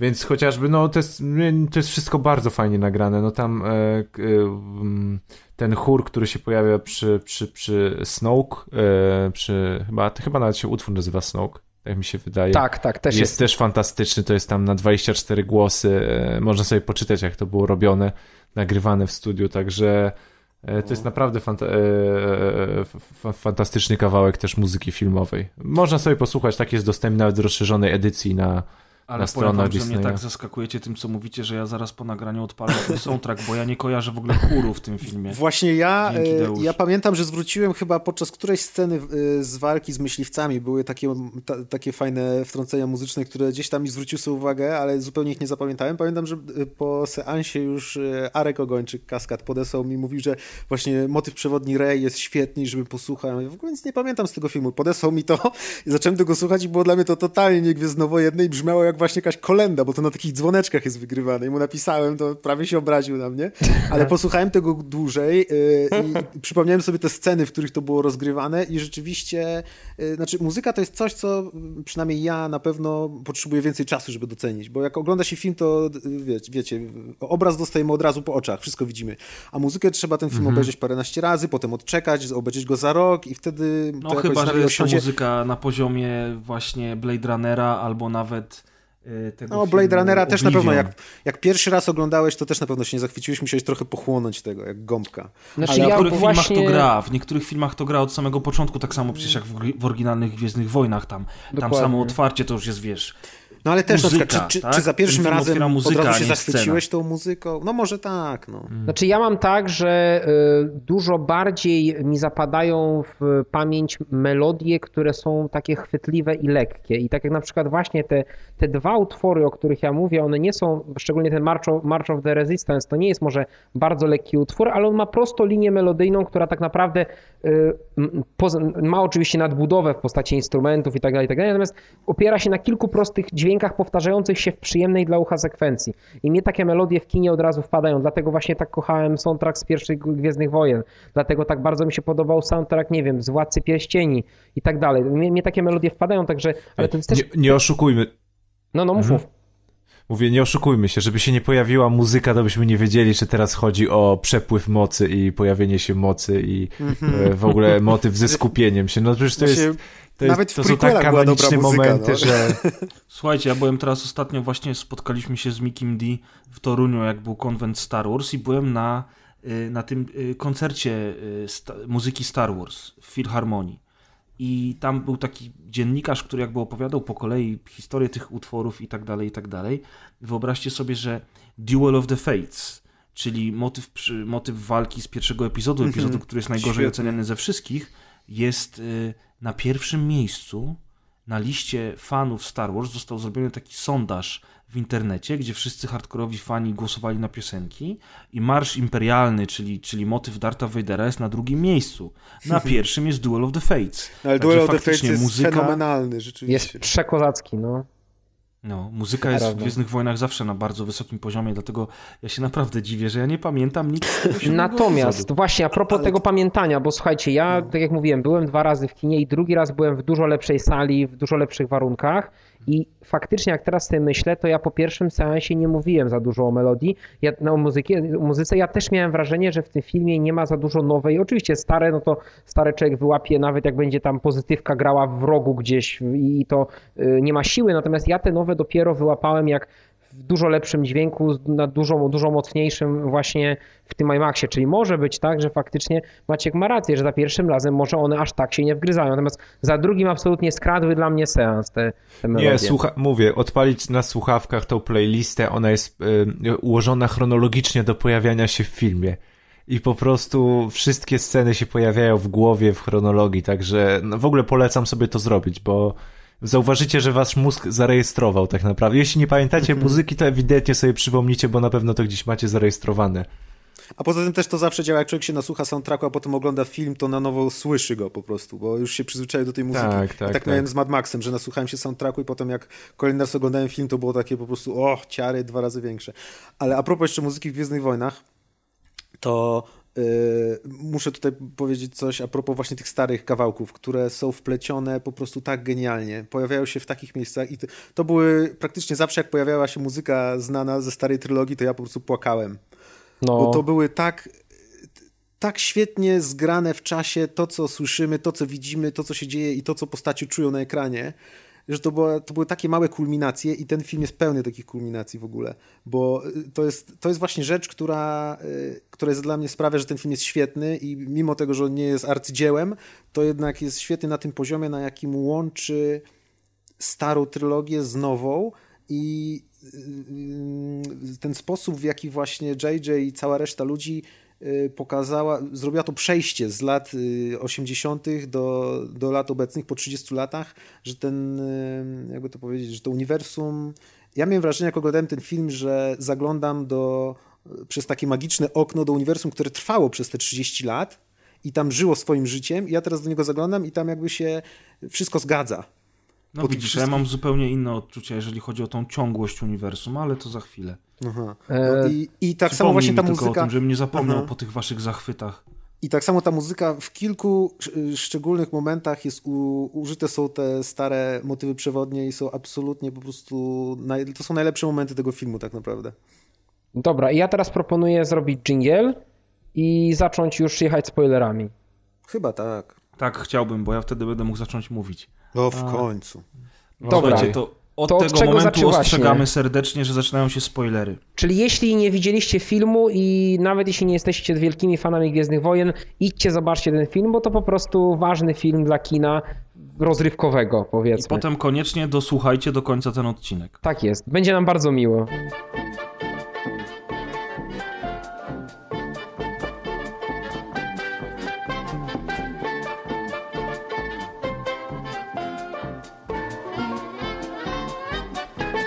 Ja bym chciał kontynuować wątek, który Maciek przed chwilą zaczął, a mianowicie chodzi mi o ciągłość y, Gwiezdnych Wojen. Dla mnie przede wszystkim y, karygodnym błędem było zrobienie wszystkiego, żeby wcisnąć starych aktorów do serii. bo minęło 30 lat nie tylko w świecie Gwiezdnych Wojen, ale minęło jeszcze więcej w świecie naszym rzeczywistym, tak? Bo tych lat minęło w sumie 33, 38 lat minęło. Od pierwszego, mhm. od czwartego mhm. epizodu, od Nowej Nadziei. I teraz tak. Ja od początku mówiłem, że wciskanie starego Harrisona Forda, którego uwielbiam, jest świetnym aktorem i absolutnie mam do niego szacunek, tak samo jak dla każdej innej postaci. Mark Hamill e, czy Carrie Fisher, Fisher, i tak dalej. To są wszystko aktorzy mojego dzieciństwa i nie tylko. Wiadomo, że jedyny Harrison Ford się wybił naprawdę na wysokie loty po tych filmach. Zresztą już przed nimi był dosyć znany i tam sobie grywał. Albo może się mylę? Czy był znany przede wszystkim dlatego, bo grał w tym American, jak się nazywało? American Story? American Graffiti. American, American Graffiti. Graffiti. Też zresztą Dokładnie. George'a Lucasa. Tak jest. No i teraz tak. Ja powiedziałem od razu, słuchajcie, zróbcie y, coś, co już jest napisane, bo jeszcze wtedy Disney y, nie anulował Expanded Universe i dajcie po prostu nowych aktorów. Ja bym się wcale nie obraził, gdyby Luka, Hanna i całą resztę grali inni aktorzy. Ale hype jest najważniejszy, zresztą wiele ludzi się zachwyca. Ja po części też uważam, że Harrison Ford najlepiej wypada w całym epizodzie siódmym. Z tych starych I, aktorów absolutnie. I z uśmiechem, nie, w ogóle ze wszystkich aktorów. Oj, ja to nie, to tu się nie uśmiechem na twarzy. E, I uważam że, uważam, że to było piękne, jak on tam się pojawiał i te swoje teksty walił, ale z drugiej strony jakby wsadzenie jego i całej reszty tych aktorów wymusiło pewne rozwiązania, które dla mnie w ogóle są z dupy. E, chociażby motyw e, powrotu Hana Przemytnika. Mhm. Han Solo, generał rebelii, bohater galaktyki i to nie jest Expanded Universe, to jest kanon, bo on już jest generałem w powrocie Jedi. I zresztą mówi się o tym w siódmym epizodzie, że to jest generał Solo mhm. i Han, y, Han y, ze względu na, na to, że utracili syna na rzecz ciemnej strony mocy. No już lecimy ze spoilerami, no więc tak. rozmawiamy no nie, no teraz no full. na temat tego, co widzieliśmy w filmie. E, ten, ten związek się rozpada. Ja uważam, że to jest w ogóle świetny pomysł, bo wiadomo, że jak ludzie stracą dziecko, nie wiem, dziecko znika albo umiera, mm. albo tak dalej, tak dalej, to małżeństwa bardzo często się rozpadają. To potem rozpad... mamy Heavy Raina, no. Tak, i ten rozpad tutaj jakby jest, wydaje się być rzeczą naturalną, tylko że jak ja wchodzę na, na siódmy epizod do kina, jestem rzucony 30 lat do przodu i dostaję taki zlepek informacji, który mi nic nie mówi. I nagle się okazuje, Ale... że jestem w świecie, którego kompletnie nie znam, ja wiem, że z, zniknął Luke Skywalker, że to, że tamto, ale prawdę powiedziawszy, yy, film wcale nie stara się wytłumaczyć niczego, co tam się działo. A wiecie, czemu on tego nie, nie stara się wytłumaczyć? Bo Abrams popełnia błąd zuchwałości. Czwarty epizod był zamkniętą całością. Lukas wiedział, że ten film się może nie sprzedać. W związku z czym tak napisał fabułę, że film, gdyby nie miał kontynuacji, był zamkniętą całością. I spoko. Mhm. Pierwszy epizod też jest zamkniętą całością, chociaż od samego początku były planowane trzy części. Możesz obejrzeć pierwszy epizod i nie interesować się dalej, co się dzieje. Zresztą, jak obejrzysz teraz pierwszy epizod, to nawet nie będziesz chciał wiedzieć, co się dzieje dalej. Ale Abrams popełnia ten błąd, że wychodzi z założenia: hej, rzucimy tutaj starym fanom Hanna Solo i ma całą masę zapożyczeń z oryginalnej trylogii, niech się cieszą, a jednocześnie zrobimy serialowe wprowadzenie do dłuższej fabuły, do kolejnych odcinków. I on po pierwsze robi kopię Nowej Nadziei, w drugiej połowie filmów kopiując wszystko. Gwiazdy Śmierci i masę całych innych wątków. Zresztą nawet na wstępie mamy droida, który dostaje tajne informacje i musi te tajne informacje przekazać dalej. Źli go gonią. Dobrze, od, starego, od starego dziada współpracującego z młodym człowiekiem na pustynnej planecie, tak? Dokładnie, dokładnie. I teraz w drugiej części dostajemy masę, niero, masę nie, nie, nierozwiązanych pytań masę rzuconych krótkich informacji, bo Abrams wie, że będzie kolejna część. I on robi nam taki wielki wstępniak do tego, co będzie dalej. W związku z czym dostajemy coś, co, się, co, co mówi nam tak, a coś tam było w przeszłości. No było, było, wiecie, no tu Han Solo, znacie go, brawo, całe kino się cieszy. A resztę to się dowiecie później. A teraz zrobimy kurwa fanfiction, które pokaże wszystko to, co było pokazane już e, w poprzednich częściach w oryginalnej trylogii. Chciałem powiedzieć już wcześniej, teraz nawiążę do tego, co powiedział Mikołaj, a mianowicie do scenerii. W tych scenariach jest planeta pustynna, tak jak było Tatooine, jest planeta leśna, tak jak był Endor, i jest nawet planeta śnieżna, tak jak był e, Hot. Jest Gwiazda Śmierci, jest droid z ważnymi informacjami, jest nawet scena na moście nad przedpaścią, no ludzie. Jest, A- jest, jest przesłuchanie, oczywiście. Ale poczekaj, ja ci się teraz wetnę, ja ci się teraz Oczywiście. wetnę, bo e, w ten Zatrzymaj mnie, jak się rozpędzę, bo wiesz. Nie, ja, Nie, ja widzę, ja moment, czuję tą chemię, ja czuję, że się budzi w tobie ten seed po prostu już.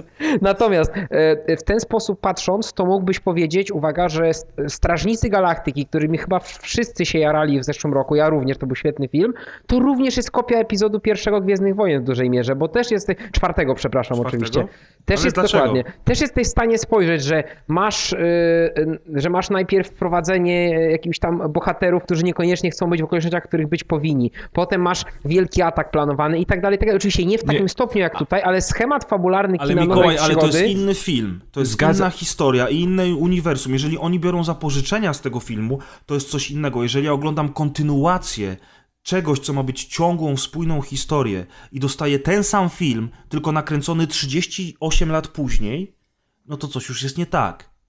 Ja na to wszystko wysnułem sobie Hmm. taką teorię, y, która w sumie mi pasuje i to, co ty mówiłeś, ja się z tym wszystkim zgadzam, tylko ja tego nie postrzegam jako coś złego.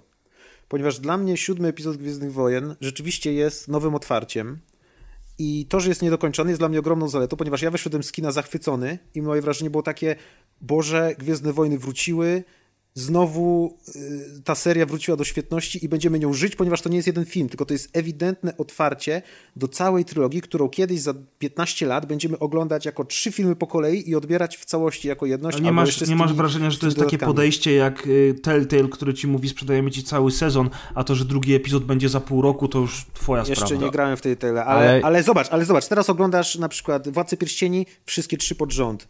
Y, Matrixy, wszystkie trzy pod... Matrix nie jest może świetnym po- porównaniem, bo też pierwsza część była Bo zamknięta. warto ale będzie tylko pierwszy. Tak, ale, ale, Ale generalnie... właśnie zwróć uwagę, ale tak samo generalnie- Matrix jest dobre porównanie. Znaczy- To samo jest w Gwiezdnych Wojnach. Pierwsza część jest zamkniętą całością, No tak. druga stanowi pomost do trzeciej. Znaczy tak ja szukam teraz przykładów na poparcie mojej tezy. Jeszcze raz? tym, ja szukam teraz przykładów na poparcie mojej tezy i z tym Matrixem właśnie nie trafiłem, ale chodzi mi o to, że ja, mi się na przykład podoba, że to jest otwarte, bo po pierwsze film mi się spodobał i to, że to jest otwarte gwarantuje mi, że dostanę więcej i te kolejne części, które będą wychodzić za 2, 4, 6, 8 lat, złożą mi się w jedną całość. Ale ja po- ja ja się zgadzam. Jeszcze, jeszcze, jeszcze, jeszcze jedno tylko, a propos tego takiego nowego otwarcia, że yy, i nawiązania do Nowej Nadziei, że dla mnie ten film jest kierowany do jakby dwóch właśnie grup osób. Yy, dla tych, którzy znają Gwiezdne Wojny, on jest trochę sequelem yy, i kontynuacją tego, co już znamy, a dla tych, którzy nie znają Gwiezdnych Wojen, jest jakby rebootem.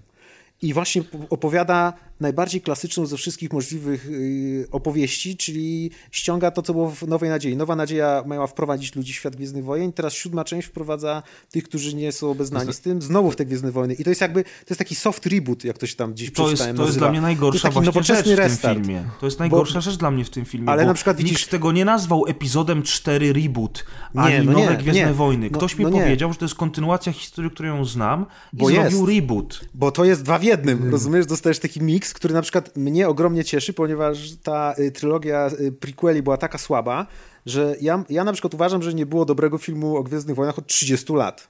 Trzeci Bo- epizod był całkiem niezły. No dobra, był... Hmm. Może, Dokładnie, był taką całkiem był naj, najlepszy z najgorszych. Tak, tak, czyli może tak, powiedzmy... ale ja wystawiłem, ty mówiłeś, No że to twój dobra, to kolega nie- dał 6 na 10, ja dałem 5 na 10 epizodowi siódmemu. Wszystko, Wow. wszystko w tym temacie. No ale to, no widzisz, 30 Prosto lat temu świet, była świetna nożem. trylogia i potem 15 czy tam 10 lat temu był jeden film, który, a jeszcze można by było podciągnąć. Ja, po, ja przez zresztą ten ja obejrzałem żadnych- ostatnio trójkę po latach i doszedłem do wniosku, że, że ten film jest e, tak naprawdę też dosyć słabym filmem, tylko on w, po, po prostu w porównaniu z jedynką i dwójką wypada genialnie. Po, po, Ale jak poza tak tym, usiadłem poza do niego tym, po latach, to Poza tym prequele są fajne, bo opowiadają przecież fajne rzeczy teoretycznie o, o Anakinie, całą historię Anakina, Wojny Klonów, o których tylko słyszeliśmy, nikt nie wiedział co to jest, chyba że czytałeś Znaczy, Wojny Klonów to jakieś. akurat opowiada serial, to też jest kolejny zabieg marketingowy. Yep. Mówimy od 30 lat o Wojnach Klonów, ale tak naprawdę w filmach wam im nie pokażemy. Kup Mhm. wszystkie pięć, y, wiesz, y, sezonów na Blu-ray Wojen Klonów, to się Ale- dowiesz, nie? Ale też I ten, obejrzyj ten, jest dzieckiem, bo jest PEGI 3. Dokładnie. bez przesady. Dla mnie Wojny- jest na przykład Wojny zupełnie Klonów, niestrawne które- wizualnie. Wojny klonów po pierwsze, tak, w filmach nie są opowiedziane tak dobrze, a, a animacja to jest nie wojna klonów, a 5 bitew z 10 żołnierzy na 10 żołnierzy. No się nie oszukujmy, mamy wielką gala galaktykę, mamy mityczne wojny klonów, o których się wszędzie mówi, a one są zawsze przedstawiane no 20 na 20 żołnierzy dosłownie. A ty mówisz o I- serialu teraz? O serialu, tak mówię teraz. Wiesz, że ja nie oglądałem, także ciężko mi się... Więc mimo że, mimo, że jest całkiem niezły, ale ja tu te jeszcze wracając do tego, to ja się bardziej przychylę do Maćka. Zresztą Abrams tutaj jakby nie ukrywa. Tylko nie Czyli- za blisko się przytulaj. Przychylaj się. Czyli e, Sięgnij to jest popcorn, film, wiesz, to, to jest film, który ewidentnie popcornu, ma jedną funkcję. Ma ci wprowadzić po kolei, zresztą on po kolei wprowadza nowych bohaterów, łącząc je ze starymi i, i, i żeby to było zszyte jakąś normalną fabułą i wprowadzeniem nowych wątków. I to wszystko, bo on ci po prostu jakby scena po scenie wprowadza nowych bohaterów, pokazuje ich historię, rozwija, kończy historię starych bohaterów gdzieś tam, jak się stara trylogia zazębi z nową i on jest tylko takim wprowadzeniem. I tak, Tak. naprawdę według mnie to nie jest oszustwo, że, on, że tak jak ty mówisz, że on, być, że on jest y, kontynuacją i powinien być oddzielnym filmem samym w sobie. No kurde nie, każdy kto idzie na te Gwiezdne Wojny wie dobrze, że idzie na pierwszą część z jakiejś wielkiej, dużej całości. I to nie ma tak, że, że, że to będzie e, e, e, gdzieś tam zamknięty film, bo, e, bo zupełnie jest inna koncepcja i, i mi ta koncepcja przypadła bardzo do gustu, bo e, pomimo tutaj też, to, to się zgadzam z tymi błędami fabularnymi, to gdzieś samo to wprowadzenie tych nowych bohaterów i zazębienie ze starymi wątkami jest całkiem całkiem znośne. Znaczy, To, to połączenie, ja też się bałem o to połączenie zawsze, y, kiedy występuje taki motyw, gdzie do bohaterów, których już znasz, trzeba dołączyć kogoś nowego. Czasami w sezonach seriali tak się dzieje. To jest łatwiejsze do strawienia, bo sezony seriali są bardziej skumulowane w czasie i tak dalej, ale tutaj, kiedy nagle się dowiadujesz, że po pierwsze wracają twoi ulubioni bohaterowie, więc hurra, a po drugie wiesz, że... A potem ich zabijają muszą i płaczesz. Znaczy, wiesz, że oni muszą się skończyć i że musi nastąpić przekazanie pałeczki, jeśli seria ma być kontynuowana dalej. Czyli wiesz, że przyjdą nowi i teraz jest problem, jak to się zgra. Czy nowi na przykład będą odstawać i będziesz myśleć, nie chcę tych nowych, nie? Ja chcę tych starych, nie chcę, żeby odchodzili. Albo będzie wręcz odwrotnie. Starzy, Boże, już oni są tacy starzy, nie pasują zupełnie, niech, niech będą nowi. A dla mnie w tym filmie to połączenie wypadło po prostu genialnie. I To jest zarówno kwestia tego... w ogóle nie widzę y, rozbieżności. To są jakby, tak jak mówiłem, z tym zaglądaniem do tego uniwersum przez takie okienko w czasie, w czasu przestrzeni, w tunelu czasoprzestrzennym. Oni są z tego samego uniwersum i zarówno kiedy wychodzą te młode postaci, kiedy jest Rey, kiedy jest Finn, ja czuję, że oni są, nie są sztucznie wsadzeni jako nowe pokolenie do Gwiezdnych Wojen, tylko czuję, że oni tam byli i tak samo kiedy na przykład pojawia się Han Solo i potem widzimy go w, na ekranie, to nie jest, to dla mnie nie jest stary Harrison Ford, który przychodzi odegrać ostatni raz swoją rolę. To jest Han Solo, który żył przez 30 lat, kiedy ja go nie oglądałem i teraz mogę, mam okazję zobaczyć y, y, go znowu. On się Ale idealnie, naprawdę, ale zachowuje. jak widzisz go znowu na jakimś, y, na, y, na jakimś gównianym statku, który szmugluje jakieś znowu y, nielegalne przedmioty. Nie, nie, E, nielegalne przedmioty, Solo, tylko który jest znany szmugluje potwory z hentajowych Ten- tych ten- animacji. Ten Han Solo jest już starszym dziadkiem Ale po tragedii gdzie, szmuglerka, rodzinnej. wszystko to są wszystko, to są wszystko smaczki y, No są smaczki, ale co miał robić nagle? trylogii. Smażyć pierogi w kantynie ale, jakiejś? ale On jest szmuglerem. fabułę, ja nie widzę Nic Hanna Solo wrócił po załamaniu się, jakieś wrócił do hentajskie robale. No. Ja przepraszam. E, moim zdaniem akurat e, to, że zaraz o tym pewnie przejdziemy, że chemii między, Luke, między Leją a Hanem nie bardzo ta chemia działa i mam wrażenie, że jednak Carrie Fisher już z przykrością to powiem nie nadaje się do grania w, w poważnym kinie. E, No nie. Jest to trudne, bo wiadomo, kobieta przeżyła straszny, straszne miała życie, natomiast straszne Nie nałogi i miała tak dalej. strasznego życia, ona po prostu dostała szajby po tym, Znaczy, jak zniszczyła sobie życie, popularność tak. i sama sobie zniszczyła ona życie. grała w bardzo wielu filmach potem. Ja się zdziwiłem, jak dzisiaj patrzyłem, tylko po prostu mniejsze role, ale cały czas grała. Ona napisała E, przede dziwne. wszystkim tą książkę, e, na podstawie której e, powstał film Pocztówki na, z nadkrawędzi z Meryl Streep, nagradzany dokładnie. Oscarami. Ona też tam niemałe pieniądze z tego tytułu przytuliła, a ta książka opowiada właśnie o jej życiu po tym, jak jej szajba odbiła i, i ona się zrobiła bardzo popularna i zamiast to wykorzystać, to po prostu, po, wiesz, poszła w imprezę, nie? Natomiast o czym chciałem powiedzieć, że moim zdaniem akurat ja jestem w stanie, oczywiście wiadomo, że to jest głównie fanserwis i tak dalej, natomiast ja jestem w stanie uwierzyć w to, że po prostu Han Solo jakieś tam załamanie też psychiczne czy, czy inne przeżył po tym, co się wydarzyło z ich dzieckiem i co między nimi również zniszczyło ten związek i chciał się wycofać. E, Może te życie generała, może, może tego, co my nie wiemy tego, ale może po sukcesie rebelii, po wygranej wojnie wcale nie było tak różowo i sympatycznie e, i, i wcale łatwo się nie wprowadzało tej nowej republiki i to było bardzo ciężkie i żmudne i ty bitwa o Jacku wy- może przetrzebiła siły, chociaż ją wygrali, bo tak nowy kanon twierdzi, że rebelia ją wygrała i potem kolejne jakieś problemy i kolejne i kolejne i kolejne. I może po prostu facet w pewnym momencie pękła mu żyłka, miał dość i wycofał się do robienia tego, co okej, jest ryzykowne i Mikołaj. niekoniecznie legalne, ale jest tym, co mu we krwi płynęło przez 30 Słuchaj, ale lat. jeżeli, jeżeli mi Disney mówi, że moja historia, którą ja znam, jest wymazana, to ja bym chciał dostać historię od nich. W filmie. Ja nie chcę kupować kolejnych 15 książek, które napisali autorzy na teraz y, zatrudnieni przez Disneya, bo tak jest. Nie wiem, czy wiesz, że jest książka, która pokazuje Aftermath, wydarzenia tak. pomiędzy szóstym a siódmym epizodem. Ja mam to w dupie. Ja tego nie będę czytał. czytał. Jeżeli oni chcą, to niech oni mi pokażą to w filmie, wiesz. Poza tym już abstrahując od tego, że jakby przeszłość tych bohaterów jest nakreślona zerowo, w żaden sposób. Czy nie macie wrażenia, że ten cały główny wątek, bo to jest tak naprawdę główny wątek. Han i Leia mają dziecko. Leia y, jest też uzdolniona w mocy. Rodzi im się syn. Luke Skywalker zakłada Akademię Jedi, zaczyna szkolić nowych Jedi. Syn Hana i Lei ląduje do niego w Akademii. Syn Hana i Lei przechodzi na ciemną stronę mocy, rozpierdala Akademię. Najprawdopodobniej. Wszyscy giną, Ale właśnie, co się stało z. Akademii? Nie, nie wiadomo. Było powiedziane w filmie, że przez Kylo Rena rozpadła się Akademia. I Albo przez że to, przez jednego z uczniów, przez jeden z Dobra, uczniów, nie, przez nie, naszą nie, to, było to, było to, powiedziane gdzie to jest reszta? niego. To gdzie jest reszta w takim razie Zabił tych ich, wyszkolonych? albo coś takiego. Dlatego, słuchajcie, przecież Rey to jest córka Luka Skywalkera. On ją ukrył na planecie po tym, jak upadła Akademia Jedi. Ukrył ją po to, żeby jak ona dorośnie mógł ją szkolić, tak samo jak on był szkolony już jako dorosły facet. Też Dlaczego się jestem za R2D2 tym. uruchomił? Dlaczego Luke dopiero się uruchomił, jak Rey zaczęła używać mocy? Tak. On po prostu czeka na odpowiedni moment. Więc jest to kolejna zżynka ze starej trylogii, już nawet nie chce mi się w to wchodzić. Chodzi mi o to, że mot, ten cały motyw rozpadku małżeństwa Hana i Lei, którzy kochali się ponad życie. Mnie to wkurzyło osobiście, że ja dostaję e, siódmy epizod, w którym Han i Leia, najwspanialsza para kochanków, ludzie sobie robią ro- obrączki ślubne z napisem I love you, I know. Wiecie, i tak dalej, i tak dalej.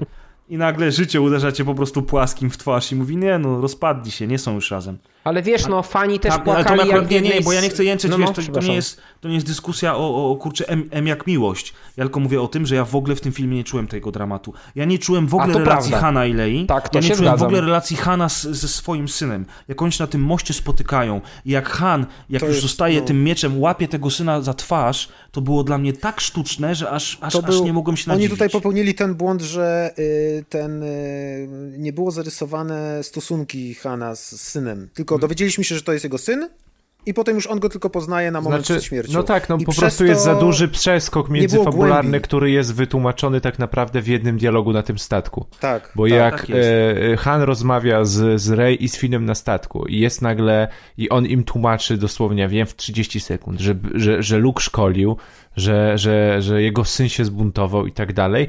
I ja tam siedz, siedząc na fotelu w kinie sobie myślałem, ale będzie mięsko. I przez cały film absolutnie nie dostałem odpowiedzi na, na pytania, które sobie w tym momencie postawiłem. Zresztą, tak jak wam mówiłem, jeszcze tutaj u- chciałem uniknąć spoilerów tej pierwszej części podcastu, ale teraz już wam mogę powiedzieć, dla mnie wprowadzenie yy, Hana jest głupie. To znaczy, ja absolutnie mi się podoba ten motyw, że yy, jakby ich małżeństwo się rozpadło, że, że tak naprawdę yy, przejście z, jakby ich syna na ciemną stronę mocy, tak, taki jeden incydent jakby zdziałał tak dużo, że Luke, że Luke gdzieś tam się załamał i, i, i sam się skazał na wygnanie, że ich małżeństwo się gdzieś rozpadło, że każdy się rozszedł w inną stronę i to jest super. Ja uważam, że ten pomysł jest bardzo fajny.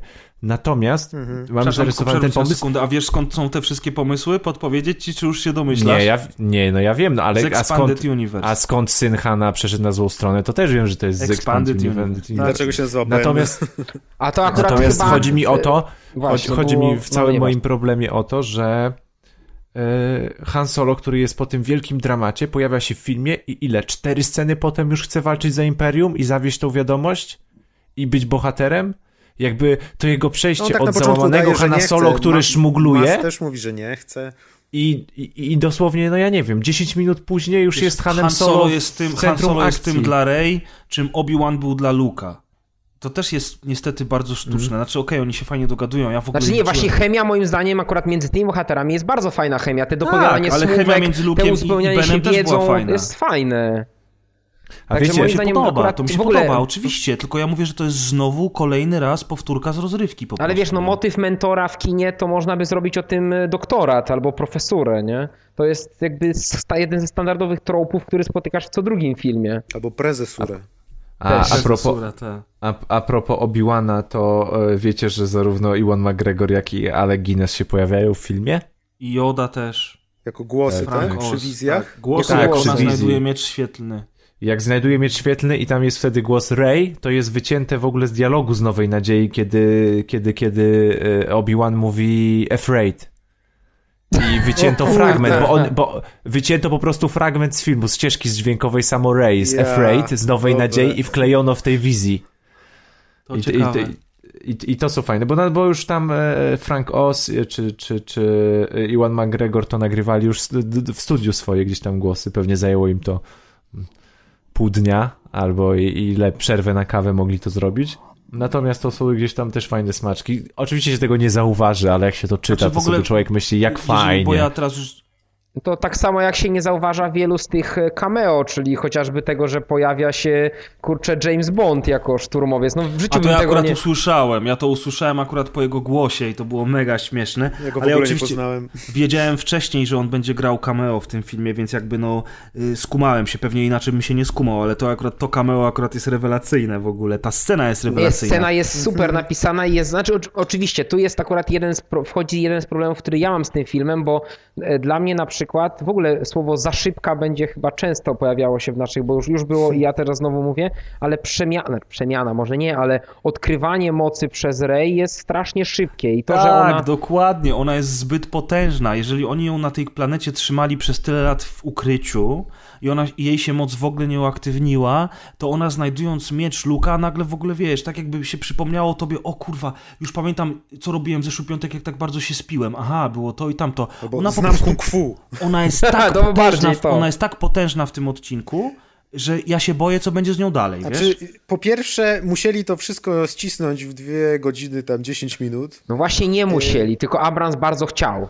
No to może chciał. A po drugie, też nie można zakładać, że każdy Jedi jest taki sam. Może się zaraz Słuchaj, okazać, ale że Rey jakby jako na to potomek spojrzeć- 17 z rzędu, teraz na nią przypada największa moc na najbliższe 100 lat na Jedi. Czy Coś, to Anakin takie... Skywalker był najpotężniejszym rycerzem Jedi według Nowej Republiki. Był, był gościem, który mimo tego, że w, w późnym wieku z- zaczął być szkolony, był świetny, tak? A Rey, przez nikogo nie szkolona, pojawia się ni stąd, ni zowąd i walczy mieczem świetnym jakby nigdy nic. Ja Ale widziałem młodsza dysk- niż młody Skywalker był. Tak jest. Ja widziałem nawet, ja widziałem nawet pewną dyskusję taką, z którą no nie ma co się kłócić.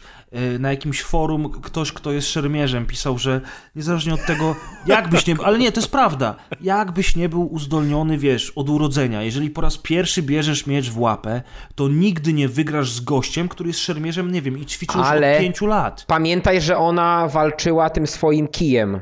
I to mówię, o, zobacz, e, to jest No akurat moim zdaniem no sensownie ten- zrobione, A że Kylo był bardzo ona, ranny w brzuszek. Ona walczy dokładnie. Jeszcze w ona ramię. nie jest ekspertem, bo też ona nie rusza się jak kurczę e, Queen Gonjin razem z Obi-Wanem młodym, jak walczyli z Darth Maulem. To nie jest ten poziom choreografii Ach, walki, bo Ale gdyby to mi to, się było akurat to... podoba, bo tam nie miał kto ich tego uczyć, prawda? Dokładnie, gdyby to był taki balet, byłoby to debilne. Tak to jest, było, tak to jest, to jest poziom walki akurat. jak e, e, Obi-Wana z Vaderem w czwartym, czyli pyk, pyk, pyk, pyk, jeden No, umarł, nie? Bar- Tam to, Bardziej to w ogóle walka było na miecze kameralne niż nawet. Tutaj to było takie rąbanie po prostu. Mo, No. To też prawda. To było właśnie, bo- może tak, to było jak po, jednak na topory, tam było bardziej jak na miecze na treningu, no. A nie Znaczy- zastanowiło was, dlaczego Finn tak dobrze walczy mieczem? Bo znaczy jakby dla mnie to jest jasne, nie? Ale to Znaczy, też nie, no, jest on ciekawe. walczył jak cepem dla mnie właśnie, Ale dużo no, gorzej niż ona. Pamiętasz tą walkę ze Stormtrooperem, który wychodzi z tą taką specjalną bronią na miecze świetne? Wtedy sobie Też lepiej wziętą nawet, z Expanded Universe w ogóle, oczywiście. A właśnie, bo ona, to nie było, nie był oryginalny Na pomysł. ten, na ten cep ja się w kinie trochę oburzyłem, ale potem Mhm. jak czytałem, to rzeczywiście przypomniało mi się, że w prequelach też mieli takie pałki elektryczne, którymi walczyli z Jediami, więc no dobra, niech będzie, Tak, że tak. gdzieś tam w całej tej armii nowego porządku znalazł się jeden z cepem, na wszelki wypadek, gdyby spotkali jakiegoś Jedi'a i akurat trafił na niego i mógł sobie powalczyć. No, Nie, dobra. no fakt, fakt, to też trochę, że tylko Ale- jeden to miał, ale to generalnie znaczy- rzecz biorąc chodzi o to, że Stormtrooperzy są szkoleni do walki z Jedi, więc on jakby, jak chwyta ten miecz w łapy, to ty widzisz, że on nie posługuje się mocą, ale on jest w stanie tym mieczem walczyć, nie? Co zresztą widać No później jak w krasnolud z toporem, no trochę wyglądał. Dokładnie, nie? Zresztą on był fajne, z a- oddziału takiego specjalnego, można powiedzieć, bo on był Tak. bardzo blisko tych tutaj e, najlepszych Stormtrooperów, gdzieś tam to też można tak, wytłumaczyć. Znaczy, Jego tak naprawdę prze, sprawność. przez, te, przez te ostatnie dni tyle się nadyskutowaliśmy, czy u nas na grupie, czy, czy naczytaliśmy się w internecie różnych opinii, że dyskutować na takie właśnie różne rzeczy można po prostu godzinami, dniami i tak dalej. Ale- I, I ja na przykład pewnym momencie jakby zawiesiłem moją niewiarę na tyle wysoko, że zdałem sobie sprawę, że to przede wszystkim musi być świetna historia i fajne kino przygodowe, które ma mi sprawić przyjemność. I ja nie mam absolutnie teraz zamiaru doszukiwać się, nawet się zastanawiałem, czy na dzisiaj wynotować takie różne pierdoły, które mi się nie zgadzały, czy coś, ale po prostu już stwierdziłem, że już mi się nie chce po prostu. Są Okej, niektóre, Maciek, ale są ja niektóre się rzeczy, do których mogę się przy, przywalić yy, i zaraz się też będziemy jeszcze do Starkillera przywalać na przykład Ale nie masz takiej potrzeby. ale, ale do tych mniejszych rzeczy ja po prostu, bo analiza tego to jest w ogóle baśń fantazy w, w, w tym, to nie da się tego analizować jak filmu dokumentalnego wołoszańskiego, nie? I wydłubywać No, wiesz, każde to- detale. To, ale w ogóle to o ile jest- coś się naprawdę nie zgadza i jest totalnie głupie, żeby się zupełnie, że nie mogę zawiesić niewiary nad to, to ja właśnie te wszystkie rzeczy przyjmuję i tak jak na początku, kiedy byłem nahypowany, to wszystkie te rzeczy wyłapywałem i dyskutowaliśmy tam, że a on umie, bo miał trening, a był ten, a ten był postrzelony, to teraz już A ona miała lalkę. Luka Skywalkera przypadkiem w, w AT&T. A miała! No, a to jest ważne. że I miała hełm z, z, z tego, pilota X-Winga. No. Zresztą, Miała, ale... I jadła zieloną bułę podlewaną wodą i to nie mam totalnie pojęcia, co oznacza. Właśnie ja też nie mam, a, a ludzie mówią, że to jest jakieś odniesienia. Nie wiem do czego. Też, Może, ale może do żarcia na Dagobach, może Joda miał Ja jakieś takie wiem, może, może, może, że Disney Albo do zrobił Star Treka. niesmak po tym filmie. Wsadził ci zieloną papkę w mordę, tak? Dokładnie. ale skąd wiesz, to było tak. niesmaczne? Może to było pycha. Tylko No. wyglądało jak Dobra, Dobra, ale- błoto. Maciek, ty mówisz, że to jest fajne kino przygodowe, ja się z tym zgadzam, ale ty mówisz też, że to ma fajną historię. Tam nie ma w ogóle fajnej historii.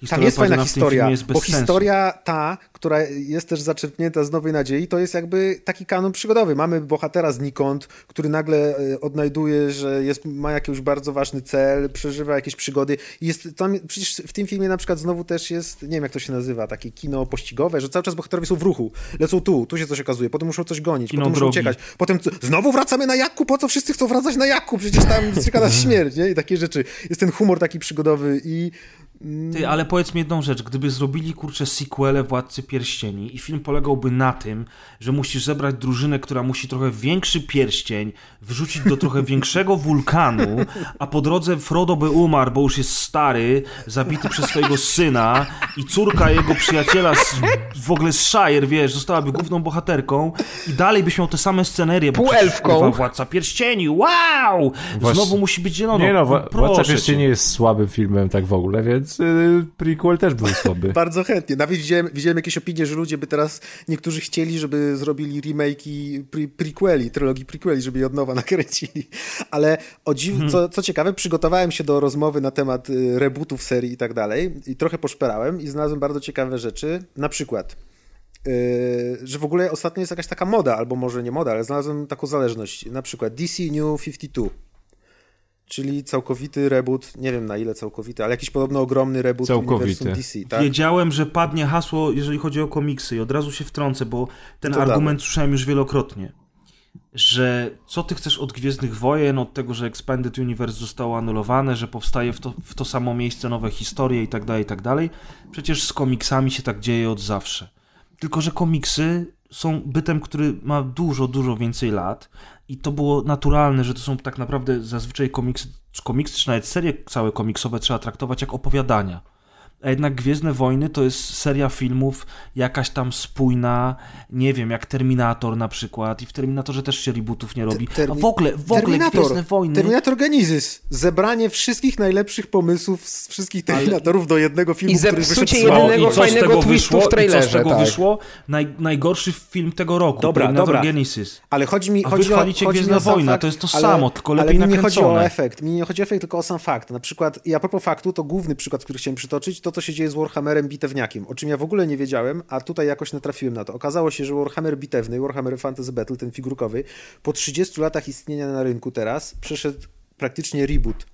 Yy, I to jest związane tam z polityką firmy, która była nie za dobra i generalnie inne rzeczy, ale po 30 latach ta gra się na tyle zmieniła, że tam już nawet rasy są inaczej nazwane. Krasnoludy się nazywają jakoś zupełnie inaczej, elfy się nazywają a-elfy i tak dalej. I to jest tak naprawdę, y, ja z Warhammerem już od dawna nie jestem związany, ale jednak część mojego dzieciństwa to są takie bitewniaki. I to jest też y, gigantyczna zmiana w świecie fanów Warhammera, nie do uwierzenia po prostu. Oni zaczynają od, od nowa, od zera. Okej, czyli A- godzimy się z faktem, że takie są czasy, że tych materiałów od dziesiątek lat powstaje tyle, że w pewnym momencie trzeba zrobić reboot, bo nikt tego nie ogarnie. Tak samo stało się z Gwiezdnymi Wojnami. Ja to akceptuję, chociaż większość ludzi, którzy walczą ze mną w internecie, znaczy walczyli przez weekend, bo już mi przeszło. Ja już się nawet nie wkurzam na to, po prostu przez trzy dni musiałem, wiesz, na Już zasadzie tego komiksu. Kochanie, chodź już do łóżka. Nie, nie mogę iść spać. Ktoś nie ma racji w internecie. I tam wiesz, walisz te klawisze, To nie? jest straszne, no. Ale generalnie rzecz biorąc, większość ludzi mi zarzucało, tak, bo ty płaczesz, że skasowali ci Expanded Universe. No więc wróćmy do samego filmu. Pomińmy Expanded Universe. Powiedzcie mi, czy scena, w której rudy Hitler wali przemówienie, nakręcone w taki sam sposób, jak te dokumentalne filmy y, tej reżyserki, która z prawdziwym Hitlerem zawsze była i kręciła te jego filmy, to otwarcie olimpiady i to wszystko, jak ona się nazywała?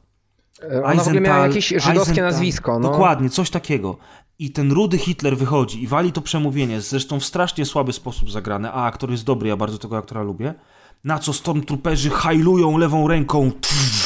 No nie hajlują, tylko pięść podnoszą, ale to no było dobra, dla mnie to było tak jego- hajlowanie i z tyłu te, wiszą te czerwone flagi. To był taki facepalm, że jak ja się pierdolnąłem w czoło, No to był, ludzie myśleli, był. że wiesz, że, że ekran eksplodował, było tak głośno od Znaczy tego to, facepalmu. to było no. słabe przede wszystkim dlatego, że na przykład, y, jak wszyscy pamiętają Tarkina, on był zimny i opanowany. Był doświadczony i nikomu nie musiał impionować. A ten wyglądał jakby się rozhisteryzował i za bardzo emocjonalnie to zdecydowanie zagrał. Prawie, że z łzami w oczach, jak jeszcze ten wystrzelił promień, to on tam prawie też płakał. To było rzeczywiście, mogło być lepiej zagrane. No, no tak zrobili, no. Nie można no i promień, wszystkiego zrobić wytłumaczcie idealnie. Mi, wytłumaczcie mi, bo właśnie jedną bardzo rzecz teraz zaznaczymy z Maćkiem, bo Maciek dzisiaj do tego się doszperał, że Maciek Abrams szperacz. uciął bardzo dużo scen, które tłumaczyły cały, całe zaplecze. Abrams To nie ja uciął doszedłem, bardzo to dużo ktoś u nas scen. na grupie, ale tak. No to może ktoś inny. To pozdrawiamy Abrams... i przepraszamy, że nie pamiętamy. I dziękujemy ślicznie za to, bo to wyjaśnia ja po tym, jak to przeczytałem, doszedłem do wniosku, że ten film, gdyby rzeczywiście, tak jak ten autor tego komentarza na Filmwebie to napisał, był dłuższy o pół godziny, miałby o wiele, wiele więcej sensu. Tak. Jest cała masa scen z trailera, które zostały wycięte, jest cała masa z książki, bo oczywiście, że już jest książka, nowela Star Wars y, The Force Awakens. Niestety w Polsce dopiero w maju wasze na dobro, a nie premierę o pieniądze. Blu-rayową. Kiedy ma? Kiedy ma premierę? Niestety u nas dopiero w okolicach spodziewanej premiery Blu-rayowej filmu, czyli w maju, bo A, bo podejrze, tłumacze muszą się wyrobić z tłumaczeniem jeszcze. podejrzewam, że to też tak to, to padło na grupie i myślę, że to jest słuszne spostrzeżenie, że Disney bał się wycieknięcia fabuły, w związku z czym żadne, bo nikt nie ma tego, nawet jakieś takie chyba duże rynki typu Niemcy, Francja chyba nie mają swoich wydań. Także Ale po prostu- amerykańskie wydanie jest. Tak, tak, ale chodzi o to, że tłumacze tego nie dostali. Żeby nie tylko tłumacze wcześniej pisarz nie dostali zrobił i korekta fabuły. i tak dalej. A, tak, Dokładnie, tłumacze pewnie 18 dostali w piątek grudnia mailem dopiero książkę, filmu. tak. tak, No tak, tak, ale macie rzeczywiście rację, tamte, tamte materiały tłumaczą naprawdę ważne rzeczy, jak to, nad czym też cały internet się zastanawiał, czyli gdzie jest Republika i dlaczego z pierwszym porządkiem walczy tylko mała grupka rebeliantów zwanych teraz ruchem oporu, a nie Republika, Podobno która... wspieranych przez Republikę, tam jest Tak, to no, wspomniane. Ale w ogóle, ale w dlaczego ogóle ta scena z atakiem na Republikę, to ja się dopiero Tak. dowiedziałem właśnie z tych komentarzy na Filmwebie, że Republika przenosi stolicę raz na jakiś czas na każdą kolejną planetę. Jak Unia będącą Europejska. Członkiem, tak, będącą członkiem Nowej Republiki, co jest debilne, ale nieważne. E, I teraz, I teraz jest atak na tą stolicę. Na I ten co? sektor. Cała Nowa Republika, cały ten sektor został wymarzany, to jest galaktyka Gwiezdnych Wojen. Tam wszyscy w jednym miejscu nie siedzieli. A według tego filmu Abrams Przyjechali na imprezę, widziałeś, że była impreza. a poza tym wiecie, już jest, już jest od dawna y, konflikt z nimi. Kylo Ren sobie lata po planecie, szuka sobie BB-8 i tam w ogóle zabija ludzi i w ogóle wybudowali największą gwiazdę śmierci, jaka kiedykolwiek istniała, a ci w Nowej Republice sobie siedzą na tej planecie i sobie jedzą ser, Znaczy, tak? jedyne, trochę, trochę tak to wyglądało. Ja teraz... I skoro, przepraszam, jeszcze tylko ostatnią rzecz powiem, skoro atak na Nową Republikę ma miejsce już po tym, jak w filmie poznajemy Resistance, czyli ruch oporu, to co ten kurwa ruch oporu tam robi? Skąd on się w ogóle wziął? Przed kim on się opiera jakby, nie? Czy, czy- Dokładnie. Czy ten... Znaczy, ja teraz ułożyłem sobie to w To głowie jest taki ku, które są anty-Ku. Klux Klan. Mamy Ku, Ku Klux Klan i anty-Ku Klux Klan.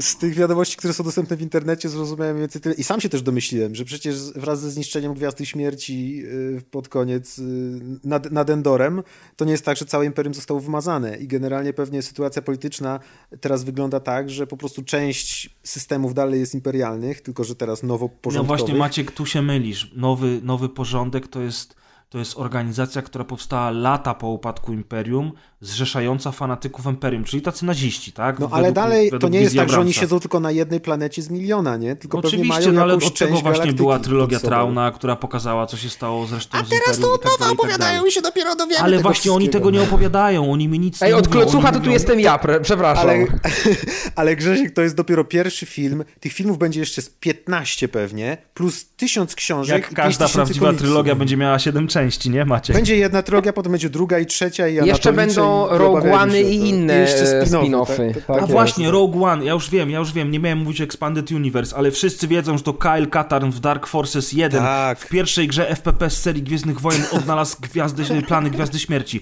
A teraz będzie poprawnie politycznie i kobieta, która komuś tam rozkazuje, ona je znajdzie, bla, bla, bla. To Grzegorz, nie są moje Gwiezdne Wojny, dziękuję, znamy dobranoc. i tutaj robię te air quota, znamy legendę o Kylu Kartanie.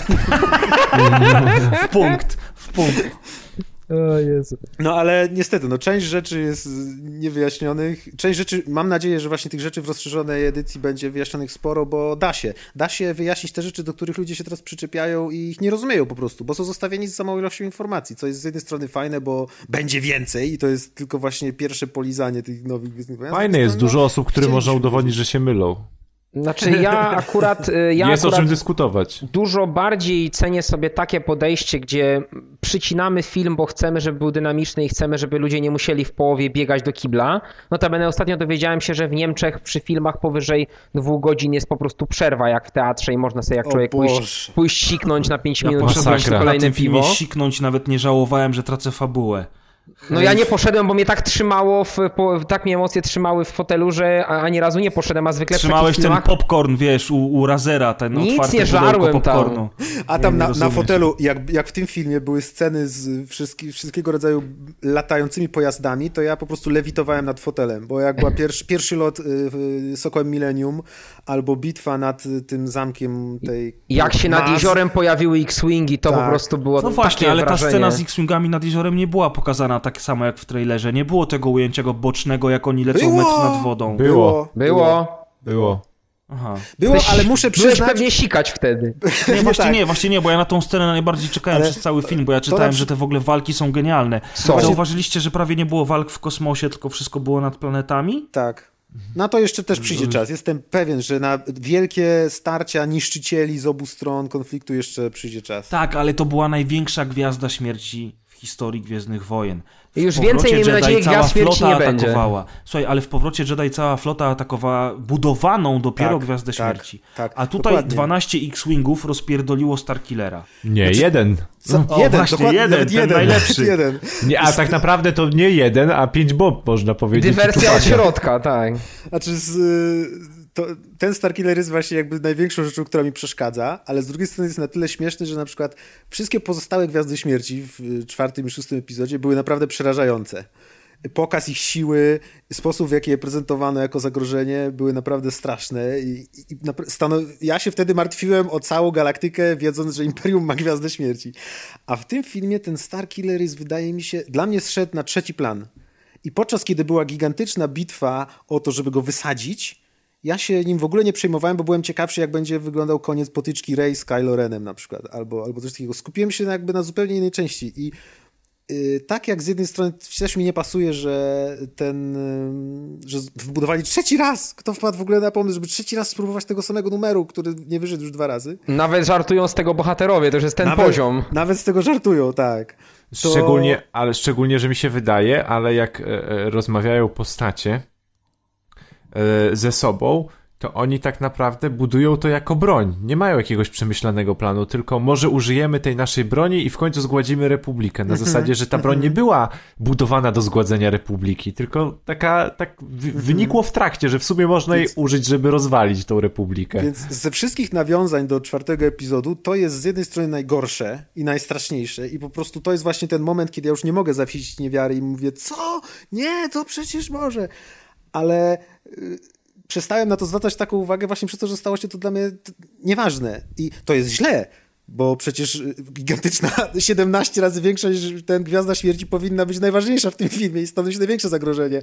Ale ja tu zupełnie odsunąłem na trzeci plan i jakoś po prostu dla mnie, tak jakbym zapomniał o tym, że tam jest jakiś Starkiller w ogóle. Nie, oni po prostu lecą na zimową planetę bić się z Kylo Renem. To Wiesz jest co, mi się wydaje, że tak naprawdę to o to chodziło. Chodziło o to, żebyśmy się skupili na bohaterach, którzy są fajni i charyzmatyczni, żebyśmy się skupili na tym, że tracimy starego przyjaciela, który odchodzi w moim zdaniem słabym stylu i jest to bardzo przykra scena dla fanów. Przynajmniej dla Jest mnie to była słaby przykra. styl, jest to bardzo słaby styl, ale E, wiesz z czego wynika w ogóle to odejście?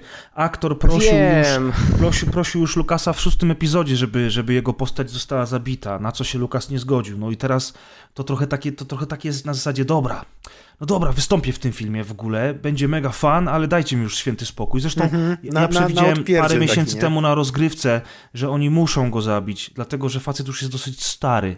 Ale to wszyscy powiedzieli od, od początku, jak się pojawiła tylko jakby obsada i, i, i- i ten ja to powrót. przewidziałem na rozgrywce, koniec, nie mów nic Okej. więcej, Deusz. Znaczy w kwietniu Nie, był żartuję, już spoiler z planu To znaczy, filmowego, a że kręcili taką scenę, więc jakby jak ktoś bardzo szukał, to myślał, że myślę, że już To w mnie kwietniu też w mógł ogóle wiedzieć. pominęło. No. Mnie też Znaczy, pominęło, nie- ale po prostu zrobiłem, e, jak już, jak mi mój, e, jak mi mój znajomy przywalił spoilerem przed filmem, to zacząłem niestety szukać i znalazłem, że już były takie artykuły w kwietniu, no. Tak, Znaczy, ja też przykład- słyszałem, że oni o tym wiedzieli. Ja po prostu nie, nie interesowałem się w ogóle tymi Gwiezdnymi Wojnami. Gdyby nie ten spoiler, to bym nawet nie poszedł na to, premierę. Ale, ale to a propos takich e, spoilerów, to też pewnie przejdziemy do tego, ale tak jeszcze tylko napomknę to, że gdzieś tam się obiłem jeszcze, e, próbowałem unikać spoilerów w internecie i gdzieś się obiłem o to pytanie, że ludzie mieli WTF, jak Kylo Ren ściągnął maskę.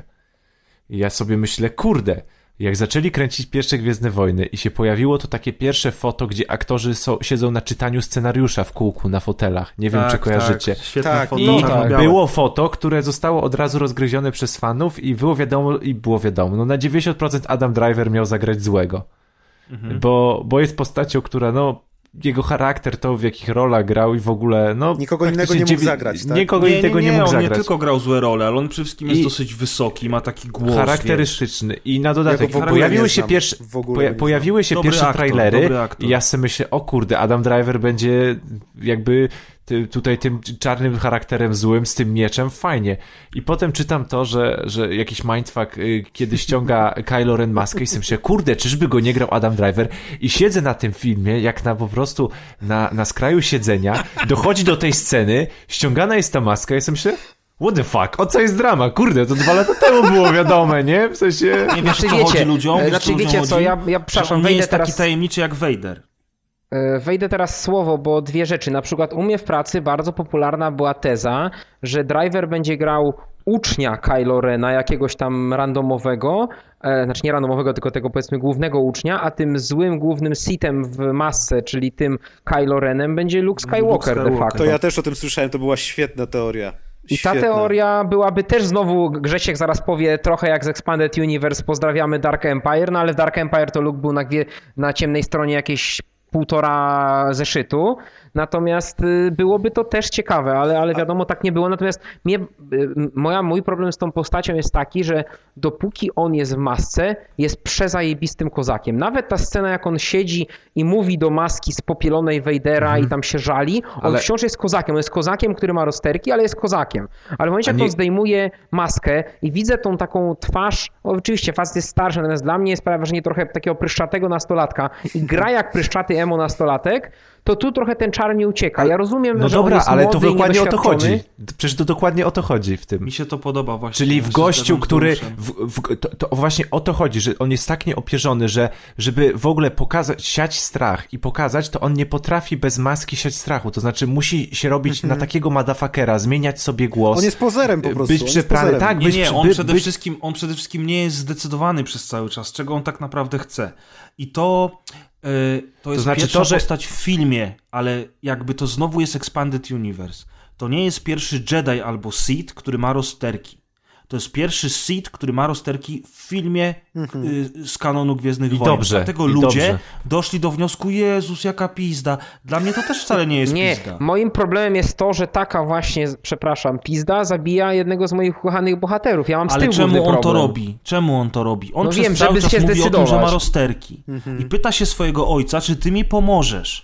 I ojciec mówi, tak, wszystko dla ciebie zrobię. On potrzebuje tego zrobić, żeby ostatecznie się po jakiejś e, stronie opowiedzieć. On się opowiada po ciemnej stronie, moc, stronie mocy, zabija swojego ojca, od którego de facto dostaje przyzwolenie. To jest przyzwolenie oczywiście oszukane, on robi ojca w kija. Ale dla mnie też ta scena jest bezsensowna. To, z jakim ja rozumiem, że to jest ojciec i syn. On do tego ojca, do tego syna podchodzi w ogóle z pełnym, że tak powiem, zaufaniem, nie wiem, rozpaczą. Ja tej rozpaczy w ogóle w tym filmie nie czuję, a poza tym, kurwa, to jest Han Solo, najbardziej cwaniacki cwaniak w całej galaktyce. No właśnie I on ja- po prostu daje się zrobić jak małe dziecko. Ja on tak widziałem, naprawdę kiedy pozwala pod- się zabić. Ja widziałem, że kiedy Solo podchodził właśnie do, do Kylo Rena, to Ale- był, on miał przerażenie na twarzy. Ja czytałem z jego twarzy emocje, że Ale on wie, że ja raczej myślałem, tego nie że przeżyje, ale tak, musi ale mi się- spróbować.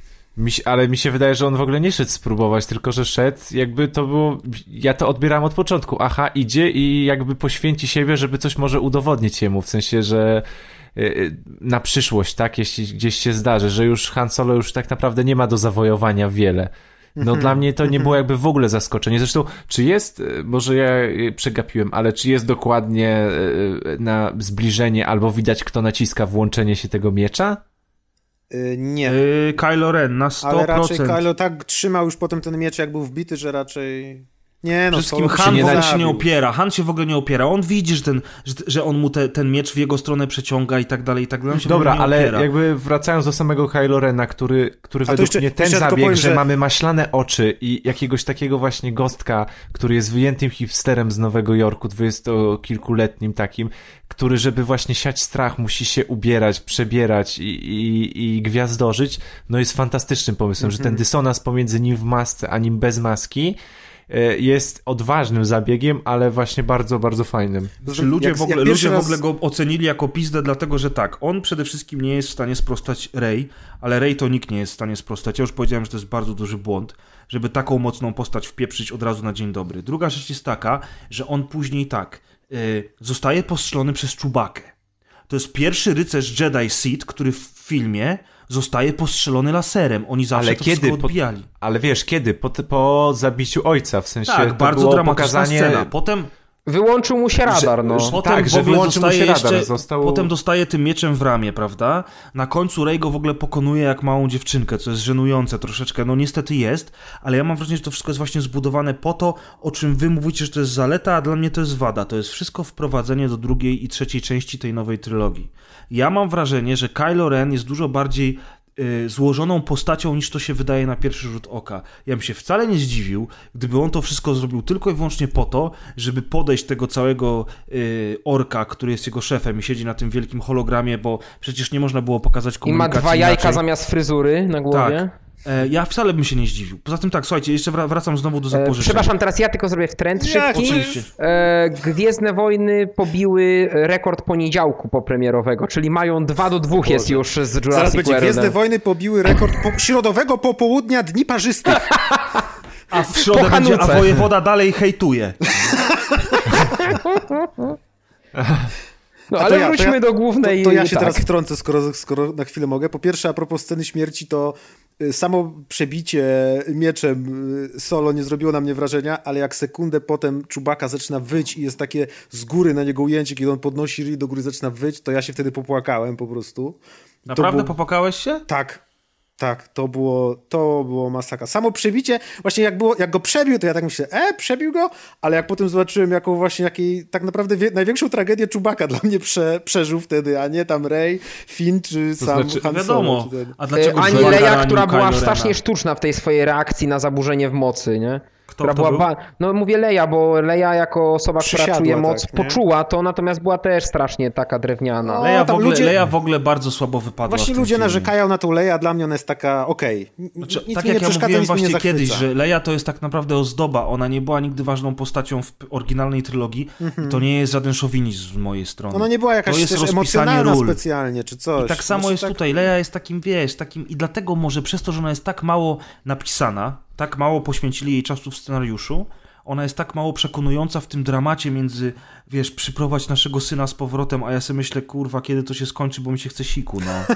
To są Gwiezdne Wojny, ja kocham Gwiezdne Wojny, rozumiesz? Ja po prostu jestem pierdolnięty i będę walczył w internecie z ludźmi na temat Gwiezdnych Wojen, a jednocześnie oglądając ten film miałem takie, no dobra, no i co dalej? Wiesz, to mnie jak- najbardziej zdziwiło A jak Kylo zdjął, y, zdjął maskę, u mnie mało osób było w kinie, więc te reakcje nie były jakieś żywiołowe. Generalnie tylko jak były jakieś te żarty, to tam było słychać, że ludzie się tam śmieją pod nosem. Ale jak y, właśnie ten moment, kiedy Kylo zdjął hełm, w sumie tak bez problemu, bo ona tylko tam się zapytała, że tam... Ale to też jest fajne, bo to też jest symboliczna scena. Tak, Na tak. zasadzie, że jesteś tchórzem, bo jesteś pod Mhm. maską, bla, bla, tak, bla. coś takiego. Mm. I on właśnie zdjął, i ten moment, kiedy on zdejmował ten hełm, ja cały czas się obawiałem, że to może być właśnie Luke Skywalker. I kiedy go zdjął, i na początku mnie wyryło, i tak pomyślałem, o kurde, zwykły koleś. A potem myślę, ale Spryszczany. sprytne. A potem myślę, ale sprytne, zwykły koleś. No. To, to się wszystko zgadza, nie? I po prostu też ja bardzo mi się podoba ta postać. Ludzie po prostu się spodziewali kolejnego Darth Maula, czyli stuprocentowo złego kolesia, bez żadnych dylematów, tylko ja jestem zły i mam zabijać Motherfucker. Jedi, mam torturować ludzi i tak dalej, tak dalej. A nagle się okazuje, że tam Znaczy, jest właśnie abs- koleś abso- z, absolutnie. Mhm. koleś z, z, y, wiecie, z syndromem podziadku, którego... Syndromem Downa. Mm. Też, też się spodziewam, że on na przykład nie wie, że Vader tak naprawdę na końcu zabił Imperatora. Może tego nikt nie No wie, bo to właśnie, tylko pytanie widział, brzmi, więc... dlaczego on tak bardzo chce kontynuować jego, No jego bo on legacy. myśli, że Vader jest wciąż y, o, najbardziej imperialnym Jedi już, wszystkich, już zdradzi jest, ale już jest teoria nowa, która mówi o tym, zresztą wcale nie jest taka głupia, że on doskonale wie o tym, że Vader wrócił na jasną stronę mocy i wszystko to, co on robi, robi po to, żeby zbliżyć się do tego pana Czyli orka po, z hologramu. Poczwórny blef już, już się zaczyna. Poczwórny taki. blef. Ja, I to by nie było takie głupie wcale, Jakby bo to dojechało do końca było. sagi, to naprawdę to by był naj, jeden z najlepszych filmów ever, znaczy, ta to- trylogia. a, no tak, rzeczywiście. I mogłoby być coś takiego, że Luke go szkolił na to na przykład też, nie? Żeby on w Na końcu by przykład, przeszedł na ciemną stronę i rozwalił wiesz, ten... To ale obawiam się jednej bardzo, bardzo prostej rzeczy, że widzowie y, generalnie rzecz biorąc są y, ogólnie jako populacja, głównie amerykańska, nie tylko, y, są zbyt prości na to i oni by tego nie przyjęli, wiesz? To nie No, będzie tak skomplikowana tak. historia. No. Takie historie były w Expanded tak, to- Universe, ale to nie będzie w Rzeczywiście, filmie. to jest za bardzo po, popula, popcornowy, popularny film, żeby robić Tak. takie zabiegi. No ale No, to ale- bez Ej, tego no wiecie, ale słuchajcie, w wielkich spokojnie. przebojach kinowych były już twisty no, tego typu. No to nie jest tak, że ich nie było przecież w komercyjnym kinie. Ja bym, No ja bym się ucieszył, no to tyle, tyle. Na, na pewno bym się Nie ucieszył. no, to by było świetne, na pewno. Znaczy, Druga rzecz, jeszcze, pewno... jeszcze ja uważam, że błąd jest jeden, przepraszam, już kończę a propos Kylo Rena, że oni byli powinni dać, darować sobie z tą maską. Oni wzięli strój Darta Revana z Kotora, zarżnęli go w, i tak. wsadzili go w film. A Bo fajnie oni wzięli wyglądał, no. Było, było bardzo wielu sitów, którzy generalnie rzecz biorąc masek nie nosili. Mhm. Czemu nie zrobić gościa bez maski? Może on się wstydził tego, że wszyscy ko- skojarzą ci dobrze, że on jest dzieckiem Luka Poza i tym Lei. dla- dla mnie to Nie, bo on ma odstające uszy, dlatego on tą maskę nosi. Dla mnie to jest Prysze. pozerka. Vader chodził w masce, on też chce być w masce, on chce być straszny, on chce być, chce być maską, nie? Jak się zakłada maskę, to wtedy przestajesz być sobą. Inni cię po, po, postrzegają jako tą maskę. Stajesz, jakby ta maska ożywa No, i jest tobą wtedy. I To, dla to mnie jest najbardziej typowa pozerka. złożona postać, taka, mm, przynajmniej złożoność jest najbardziej zbudowana w tym filmie. Zresztą tak samo jak Ale to jest, właśnie... super, to jest super, że on przeżył, nie? I że to Tak, nie jest tak, nie, no, że tu go zabijemy i w dwójce będzie inny przeciwnik, coś, tylko to, że on się będzie nauczyli, Nie, ewoluował. już na, z Dartmolem, na tak. prequelach, no zabili Tak. Dartmola, który był najfajniejszą postacią w ogóle Tak prequeli. jest. Nie no, tak, jak- tak jak mówiliście, Więc tak pierwsza naprawdę scena... Z, teraz ludzie narzekają, że to jest pipa i tak dalej, ale na przykład możli, mo, możliwe, że to jego zabicie ojca teraz go zmieni i że on już się zdecyduje na tą ciemną stronę i na przykład już w kolejnym No epizodzie będzie zupełnie inną Mhm. postacią, będzie w No ale końcu o to chodziło nie? przecież. No tak. On musiał, on musiał się opowiedzieć po którejś ze stron i albo ściąga hełm i bierze kwiatki z pola i wsiada na tą świnię razem z Anakinem i lata po polanie, albo zabija ojca i ostatecznie decyduje się na ciemną stronę mocy, no. Wiesz, A- to... Tylko i wyłącznie w tej mi- scenie o to chodziło. Ale on zostawił hełm na Starkillerze. Nie wiem, czy ktoś tam poszedł na, tę na tą kładkę i wziął mu ten hełm, żeby miał co założyć. Oj tak, niech No, ale ale właśnie- hełm w kolejnej części, bo ten hełm jest tak plastikowy, że to się w pale nie mieści. Znaczy właśnie on nie był plastikowy, był taki mega ciężki, przecież on No. walił, walił jak w wiadro metalowe. On mu ciążył, grube. dlatego taki smutny chodził. Natomiast a Ciąż, propos ciąży właśnie... to mi scenariusz Nowych Gwiezdnych Wojen, a ten hełm to tam wiesz. Dobrze, że nie ci lata koło czegoś. Natomiast e, jeśli już mówimy o, o Jedi i Sithach, to e, jak wam się podobała, już przewinę na chwilę do końcówki, bo dla mnie to na przykład był bardzo ważny moment, jak wam się podobało wprowadzenie Luka Skywalkera? Bo ja na przykład uważam, e, czuję niedosyt, bo chciałbym, żeby on się odezwał. W ogóle jak on wyciągał rękę, byłem przekonany święcie, że on mocą wyciągnie ten swój miecz od niej i go, nie wiem, spojrzy na niego, czy uśmiechnie się. Natomiast mi się to, ten build-up cały, że oni lecą, że ona idzie po tych schodach, że te wysepki, że te morze, ta... No to długo trwa, to budowanie jest długie. Tak. Ona długo szła po schodach. Tak myślę, co ona tak długo idzie? Już idzie i Ja, idzie. ja nie? bym się cieszył, jakby oni zamknęli ten film przed tą sceną, bo ta scena była doklejona trochę jak, tak, jak te, To był wiecie ten łącznik, co? nie? Ktoś, ktoś ostatnio o tym dzisiaj pisał, że to nie jest film Abramsa, to nie jest film Disneya, to jest film Marvela. I tam jest dużo prawdy w tym. To, No to była dla scena po scena napisach, po napisach. tak. Tak, dokładnie, tak, dokładnie. Ona była sztucznie doklejona do tego. Mi się to nie podobało wcale. Ja widziałem nie, mi się opinię, że podobało, bo ja by było... czekałem na Aha. Luka po prostu. Bardzo czekałem, Słuchaj, bo mój brat, ja mój brat jest Marka gościem, Hamila. który uwielbia Luka Skywalkera. I on obejrzał cały film bez słowa. Bo generalnie rzecz biorąc, jakby zwrócił uwagę na te same rzeczy, które, na które zwróciłem uwagę ja, ale mój brat nie przejmował się niczym, tylko gdzie jest Klaskał kurwa na Luke? końcu tylko. Gdzie jest kurwa Luke? Wyszliśmy z kina. A mogę cię w- Ja, ja mówię... No, mów, mów. I to, to ja się szybko Chciałeś wtrącę. że- tak, Deusz? Tak, tak, bo ja się tylko wtrącę, że e, abstrahując od tego, co my teraz powiemy, no to Abrams e, w nowym wywiadzie dla tam e, chyba Entertainment Weekly powiedział, czemu Luka jest tak mało i czemu pokazuje się tylko w, w ostatniej scenie. E, I, i nie, nie wiadomo ile w tym prawdy i tak jakby chęci grania Hamila samego, ale e, jakby Abramsa pomysł na to jest taki, że gdyby się pojawił gdzieś w środku filmu, to reakcja ludzi by była o, jest Luke, ciekawe co zrobi Luke i cała jakby uwaga byłaby skupiona na nim. Natomiast e, dając go na sam koniec w ostatniej scenie mógł zrobić Fuck swój yeah. film poprowadzić go i tylko pokazać jakby Luka na, na, jakby, jakby na samym końcu, że Luke mu nie zdominuje, jakby ta postać mu nie zdominuje filmu, bo mu chodziło właśnie o wprowadzenie nowych No, postaci, tak. a nie Ja mam o to, żeby ludzie Chociaż czekali przecież- na to, co zrobi chociaż, Luke. Chociaż przecież... Trochę tak, ale przecież dla wielu ludzi na przykład główną postacią najfajniejszą z Gwiezdnych jest Solo na przykład. I ja No i na dlatego przykład wielu ludzi mnie bardziej Solo interesuje niż Luke, teraz. więc to jest takie... powiem tak, no. mój brat był przeszczęśliwy, on po prostu jakby zapomniał o tym, że film trwa 2 godziny i 15 minut i powiedział, że ostatnie dwie minuty filmu były takie zajebiste, że on już czeka na kolejną część. Znaczy, bo to było... taka była rola tych dwóch minut. No. Poza tym tak przeciągnięcie tego spojrzenia rzeczywiście bardzo dużo dało, bo oni tam się na siebie długo patrzyli. Ja jestem pewien, że zaraz z tego memy takie powstaną, kilkukadrowe, gdzie oni się patrzą na siebie i na końcu ktoś mówi coś śmiesznego. W tam jaskini. Ale, kiedy, kiedy on tak się długo, dłu- długo się na siebie patrzył, ja tak patrzę na nią, na niego, patrzę na nią, na niego i potem tak spojrzałem na niego i tak sobie pomyślałem, o kurna, to jest rzeczywiście Luke, który siedział, to jest Luke 30 lat później. To nie jest Mark Okej, ale Hamill, No który 30 przyszedł lat później, ale z dyszkę mógłby zrzucić z brzuchola albo z No cegi i by chciałem mógłby powiedzieć o trochę tym zdjąć. przyziemnym, o tym On już- przyziemnym on drodzy. hamburgery na tej wyspie. No bez jaj. On, On wygląda jak bardzo stary dużo, aktor, No. który... ale ja mam wrażenie... Ale jest stary, właśnie to jest zajebiste, że jest stary. No ale tak, ale wiesz, Ma nie długie każdy włosy, stary tłuste, tyje. brodę. Nie, No ja nie mam wiem, wrażenie, słuchaj, a widziałeś, ale Deusz, ty widziałeś, jak ten aktor wyglądał zanim dostał Tak, propozycję no, zagrania w tym epizodzie? Tak, ale, ale wrażenie, że dlatego oni ja strasznie Jokera. tego.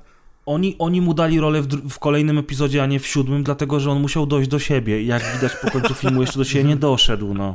Dlatego nic nie mówił, był taki otępiały, nie? Tylko go Ale tam na, postawili. ale na premierze, widzieliście zdjęcia z premiery? Wygląda świetnie tak. już na No. premierze. Znaczy on w ogóle, ja właśnie go widziałem na tych y, sesjach, kiedy nagrywał Batmana i on wyglądał trochę, znaczy Jokera i wyglądał trochę strasznie. On się tam oczywiście jeszcze krzywił, miał ten głos, więc to tym gorzej wyglądało, ale jak się dowiedziałem, że wraca, to sobie myślę, Jezu, przecież taki stary ten, ten, a potem go zobaczyłem w filmie i myślę, o kurna, ale odmłodniał nagle, nie? Wow, wygląda Co, lepiej ty wpieprze filmie. jakieś Ale- ale szejki ze wiesz, szpinaku i będzie trenerem Jedi i będzie napieprzał się Tak jest, będzie znowu części, fikać także... backflipy tam z mieczem I, i, Luka i Luka zabiją będzie epizodzie. płot jak w tym, jak w Karate Kidzie.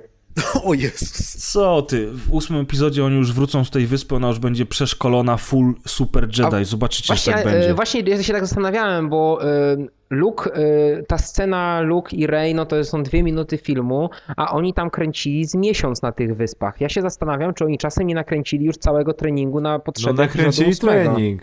No, no właśnie, właśnie tak mi się wydawało, że, Znaczy- że po co by tam jechali na jedną scenę. No, no tak. Zresztą też czytałem już te wszystkie teorie, że ta scena, gdzie ona wchodzi po schodach, no to to jest nawiązanie do tego treningu, który przechodził Luke na e, gdzie musiał po tym lesie tam z jodą na plecach na lianach Właśnie. skakać i tak dalej. słabe trochę. A propos treningu, słuchajcie, czy nie mieliście wrażenia, jak po raz pierwszy Rey spotyka Kylo Rena i on idzie tym e, między tymi dwoma skałkami obrośniętymi trawą? Nie mieliście wrażenia, że to jest kopia sceny, jak e, Luke widzi zjawę Vadera na Tak, Dagobah? to jest to samo. Ewidentnie. Tak, dokładnie.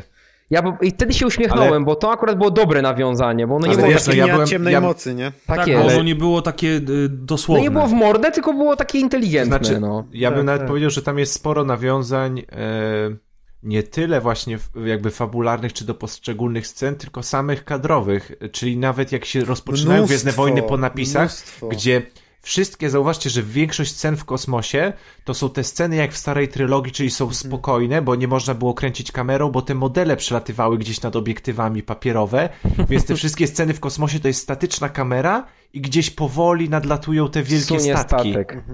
I Poza one, tym przykład- te, te płynące sceny, no to przecież jest takie nawiązanie do starej trylogii. Ujęcia właśnie, kiedy ja już lewitowałem nad fotelem, kiedy oni pierwszy raz lecieli Sokołem, tam jest mnóstwo bardzo podobnych ujęć jak ze starej trylogii. Kiedy Finn zestrzeliwuje jakiś statek i jest takie ujęcie z jego pleców, gdzie on się obraca na tym Tak, takim tak. fotelu i mówi coś tam uhu, czy coś. To jest wyjęte jak Tak, żywcem tak, tak, prostu. ale to było akurat fajne, to były fajne Ale smaczki. kręcenie walk, No. kręcenie walk w szturmowcach, gdzie każdy szturmowiec ma jakby kamerę vis-a-vis e, z przodu, taki rejestrator i gdzieś ta kamera się w, w kabinie nie przemieszcza, tylko każdy ma e, e, jakby jest to jedno ujęcie z kamery i ono się gdzieś przełącza w ich rozmowach, które też no na świeżo byłem po starej trylogii, więc to strasznie też mi samo kadrowanie niektórych To jest właśnie, ujęć to, jest właśnie bardzo to mieszanie starego z nowym, co mówiłem, że tak świetnie wyszło w tym filmie. A, a, a słuchajcie, a czy nie rzuciło wam się w oczy to, że główni dwaj męscy bohaterowie filmu, ci nowi oczywiście, czyli Finn i e, Paul Dameron, to są bardzo niscy aktorzy i to widać w każdym ujęciu, że Finn w stroju Stormtroopera ma trochę przyduży kask do reszty swojej Tak, postury. to też. Tak jakby A jak Paul szyję. Dameron nie? biegnie do X-Winga, to widać normalnie w tle całą tą y, wioskę stylizowaną oczywiście na Tatooine i te wybuchy i te inne postacie i też widać, że Paul Dameron jest bardzo niskim kolesiem. To tego nie Mi się to zauważyłem. strasznie rzucało w oczy. Mhm. Że to są takie, wiesz, jesteś trochę za, za niski na, na szturmowca, wiesz, ziomuś. Nie wiem, nie wiem czy, czemu akurat zwracam na to uwagę, ale to było cholernie widoczne. A jeszcze Może po to, do... żeby dobrze wyglądali z tą, z Leją w kadrze. Możliwe. Tak. Y, Muszę wrócić do sceny końcowej z Luke'em Skywalkerem. Y, Widziałem dwie świetne opinie. Y, Po pierwsze, jedna taka, że on się nie odwraca i wtedy powinno być ciachnięcie koniec filmu. Kiedy ona tylko widzi postać w, w kapturze tyłem odwrócono, to było fajne. A to Jezus! A to Jezus, dokładnie. A, drugie, a, szaty, drugie, no. a drugi widziałem świetny pomysł, że w ostatniej sekundzie Luke powinien podnieść palec i otworzyć usta, że chce coś powiedzieć. Także i wtedy jest ucięcie. I melodia. Tak. To A właśnie, ale, na przykład, e, ale chemia, to jeszcze jak już jesteśmy przy Polu, przy, przy, no, przy Paul i przy Finie, to na przykład bardzo mi się spodobała chemia, jaką bardzo szybko związali w momencie, kiedy uciekali z tego niszczyciela. Tak, to I- było fajne. I to, To był już ten moment, kiedy scena. ja już łapałem podjarkę w kinie, bo na przykład te sceny w hangarze, kiedy on jest zaczepiony na tej linie i nie może się urwać, potem się urywa i z takim podziwem stwierdza, że wow, ale to ma kopa, nie? Tak, czemu To- mi pomagasz? Pewnie nie umiesz pilotować TIE Fightera. Nie umiem pilotować TIE Fightera! To, to, to było to- świetne, to- to, był to taki male był- bonding typowy, tak, nie? Dla tak. kina. I to już był, to już był ten Taki moment, kiedy już byłem, pod, Boys ja już byłem podjarany tym, dokładnie. I kiedy oglądałem to, już, już wstawałem z fotela i stwierdziłem, że wow, to jest świetne. Oni wyglądają, tak sobie wyobrażam młodego Hana i Lando Calrissiana, kiedy jakieś tam swoje przygody mieli. Momentalnie złapałem właśnie ten taki ku- kumpelskie relacje ten i to, to już wtedy już mi sprzedawało ten film, a to jest, nie wiem, 15 minuta filmu, 20, coś takiego. Ja mówię, pierwsze, pierwsze, pierwsze pół filmu jest świetne. Naprawdę świetne.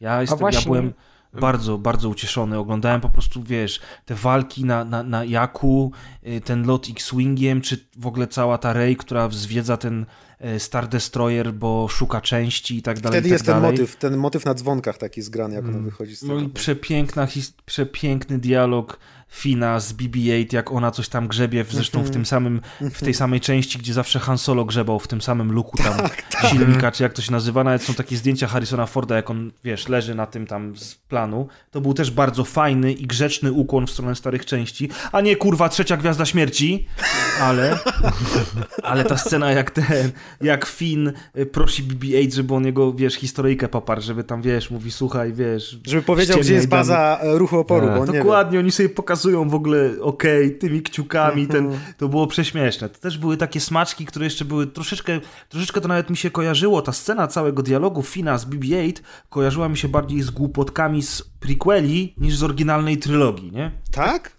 Tak, tak. Właśnie tam dla mnie y, w tej scenie jeszcze cały czas było tempo i to się bardzo wszystko szybko działo. Oni wlecieli do tego samolotu, lecieli, potem musiał, jakby nie, nie było przestoju, tylko cały czas jeszcze byłem napompowany tym, co się przed chwilą działo.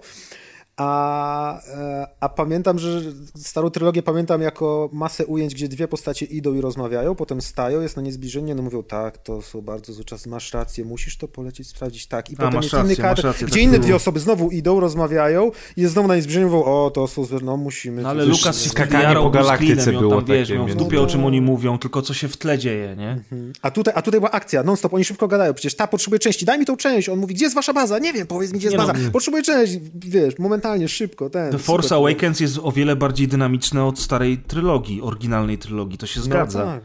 Tylko to jest też kwestia, kwestia czasów, kwestia techniki. Ale jest jeszcze tak dalej, ten, tak jest jeszcze e, no jakby ciągnięcie ciągnięcie tej fabuły, tak jak mówicie, gdzie w, w starych trylogiach, ale i w tej, e, w tej, tej, w tej starej nowej trylogii, tak, czyli w tej znienawidzonej trylogii też mamy sk skakanie po miejscach, a tu tego skakania jest bardzo mało. A jeśli jest, to jest e, nawiązywane, czyli ktoś na przykład e, rozmawia e, o czymś i dopiero przyskakujemy w tamto miejsce. Ta narracja jest bardzo płynna tutaj Mhm. też. Ale, a wracając do tych postaci, już jak ten rozmawiamy o, o, o, o Finie, to ten Fin znienawidzony i ten płacz wielki, że czarnoskóry Stormtrooper i poprawność polityczna. A to wynika z i że na pewno będzie przecież. I na pewno będzie fatalnie. Się, I się nagle okazuje, przynajmniej z mojego punktu widzenia, bardzo fajną postacią i nie wciśniętą na Mi siłę. też się podobał. I, i, I nie dla samej poprawności politycznej. I gdzieś Właśnie tam ja tego, się- jego ja historia trochę- jest też ciekawa i sam ten taki charakter, że Jest odrobinę nagle on postanawia... ale fajna.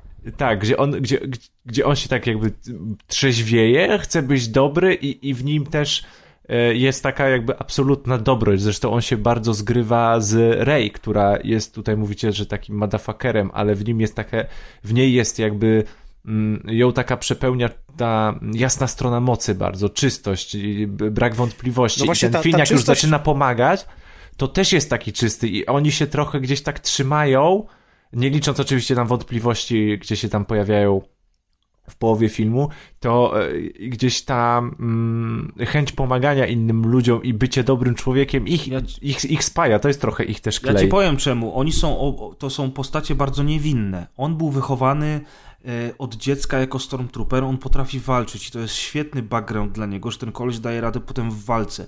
Bo to nie jest typ, który trafił nagle na wojenkę i okazuje się, że ma farta. No tak, on To jest typ, żołnierzem który całe militarnym, życie nie? był żołnierzem, a jednocześnie jest wrażliwym facetem, który wreszcie mówi dosyć. On nie zna życia, dlatego on jest taki bardzo e, socially awkward. Nieporadny jest I Rey zresztą, tak samo, w ogóle życiowo, w- jakkolwiek, żyje w nie koszarach. I tak dalej, i tak dalej. Tak, tak. I, tak, I dlatego masz rację, Deusz. Oni we dwójkę ze sobą świetnie współgrają i zaczynają od poczynku mieć tą chemię. Dlatego ja mam nadzieję, że on jednak przeżył to. Na pewno przeżył. On ma No, kontrakt ale- na kolejną część. Ale wątek romantyczny, czy tam sugerowanie takie po prostu tak Mi mi to nie pasowało. przeszkadza w ogóle. Mi to w ogóle nie, Nie? Znaczy właśnie ja nie czułem chemię wątku romantycznego. Ja tu czułem wątek e, jesteś Tak, moją siostrą, przyjaciółką, dokładnie. Tak, tak, siostrzane dla, dla Błagam, mnie nie, też nie wsadzajcie czarnego we No, friendzone. No, nie dostał się do wiem. Gwiezdnych Wojen, a wy chcecie go do interracial? wsadzić, no. Wolisz? Znaczy, z, z jej strony, z jej strony Czemu jest nie? sytuacja, z jej strony jest sytuacja prosta, super, jesteś przyjacielem i mi pomagasz, ale z jego strony kilka razy były takie momenty, gdzie ja stwierdziłem, że oj chłopie, Że on nie musiał masz powiedzieć, to szans, nie nie? jest mój miecz świetlny. Nie no.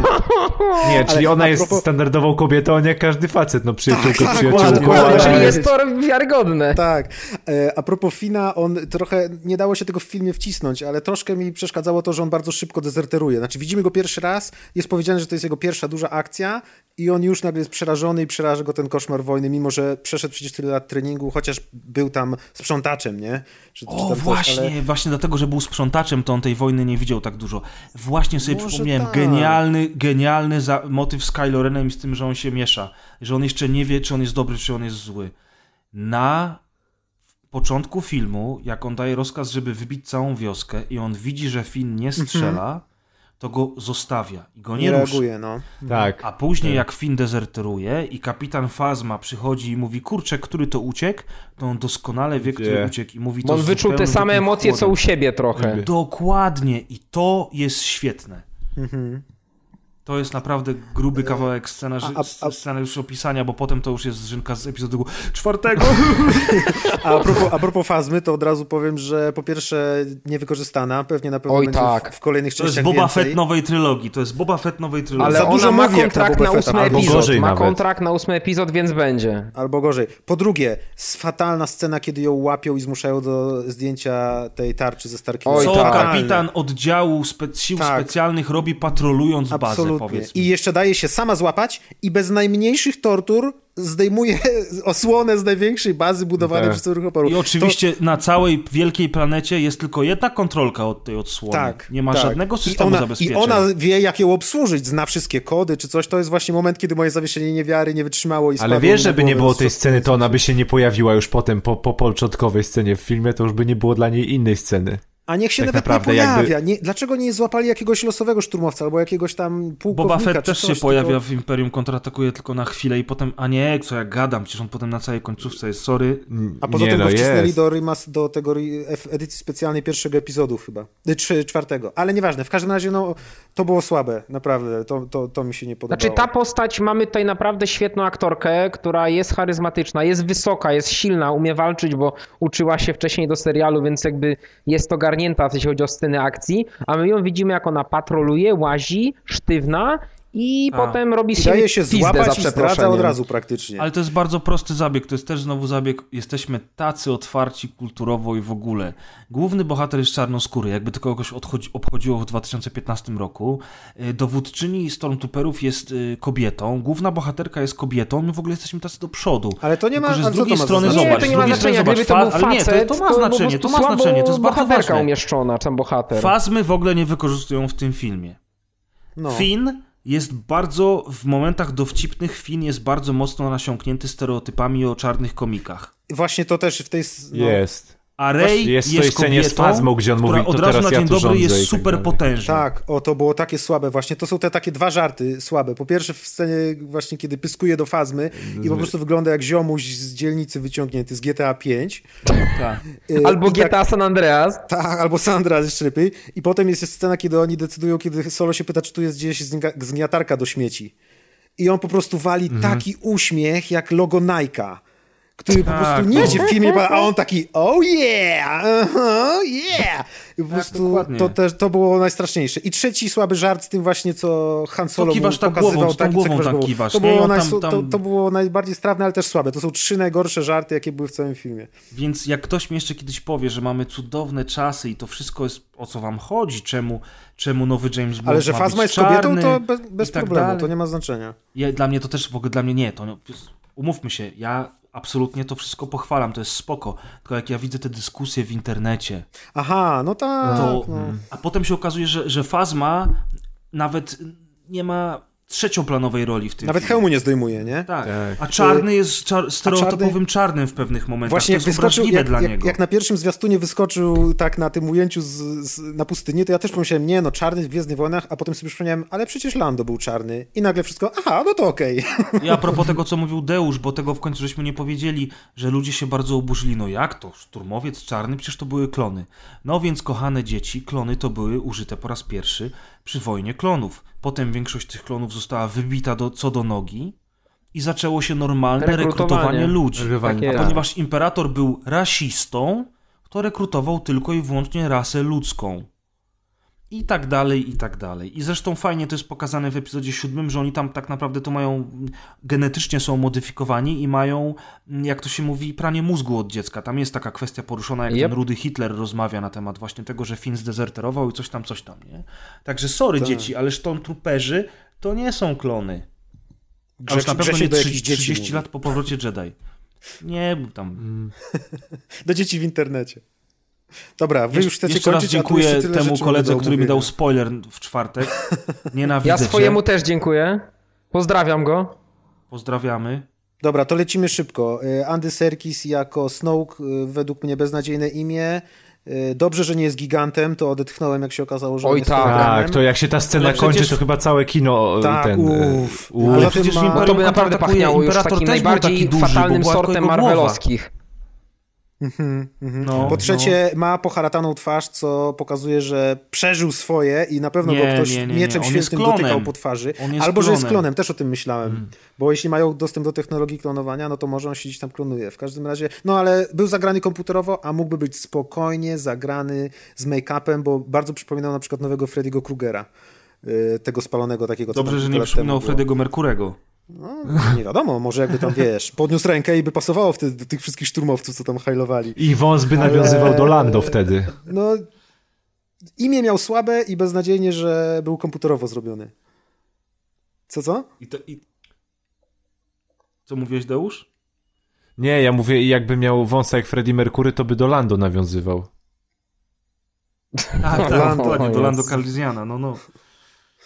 Nie, tak, tu się nie- wszyscy nie- chyba nie- zgada, zgadzamy w temacie Nie czułem akurat. tam Serkisa w ogóle, to nie poznałbym, że to on. Czułem, ale czułem y, Goluma trochę. Słuchajcie, a co powiecie mi o tym wewnętrznym konflikcie Rudego Hitlera z Kylo Renem? Oboje są tak samo młodzi. Obaj! Żaden z nich, obaj, przepraszam, żaden z nich nie ma doświadczenia większego, tak jak miał, tak jak miał Tarkin nad Vaderem i tam jeszcze był moment, w którym Vader nie miał władzy absolutnej. Mhm. Tak Więc jest, Tarkin mu był nad. Vaderem, dokładnie, no, a, no, teraz Mamy, a teraz mamy znowu kolejne zapożyczenie ze starej trylogii, kolejną kopię wrzuconą do siódmego epizodu i oni dwaj ze sobą w ogóle się kłócą. A tak naprawdę Snoke ma to w dupie. A koniec końców, jak Kylo Ren zostaje ranny, to Snoke mówi, zabierz Kyla i chodźcie, wpadnijcie do mnie, zamówiłem pizzę, już odpalamy niedługo Star Treka. Mam ser. Właśnie, Tak, o co ser? chodzi z tym serem? Przesłuchasz y, special świąteczny, to będziesz wiedział. Okej, Tak. o muszę nadrobić. Znaczy, sam, sam, y, sama idea konfliktu jest bardzo fajna, że mają działają w tej samej sprawie, ale że się nie lubią. To jest fajne, że się nie lubią. Y, Że są młodzi, Bo też nie przeszkadza, alfa bo każdy młodzi... chce być.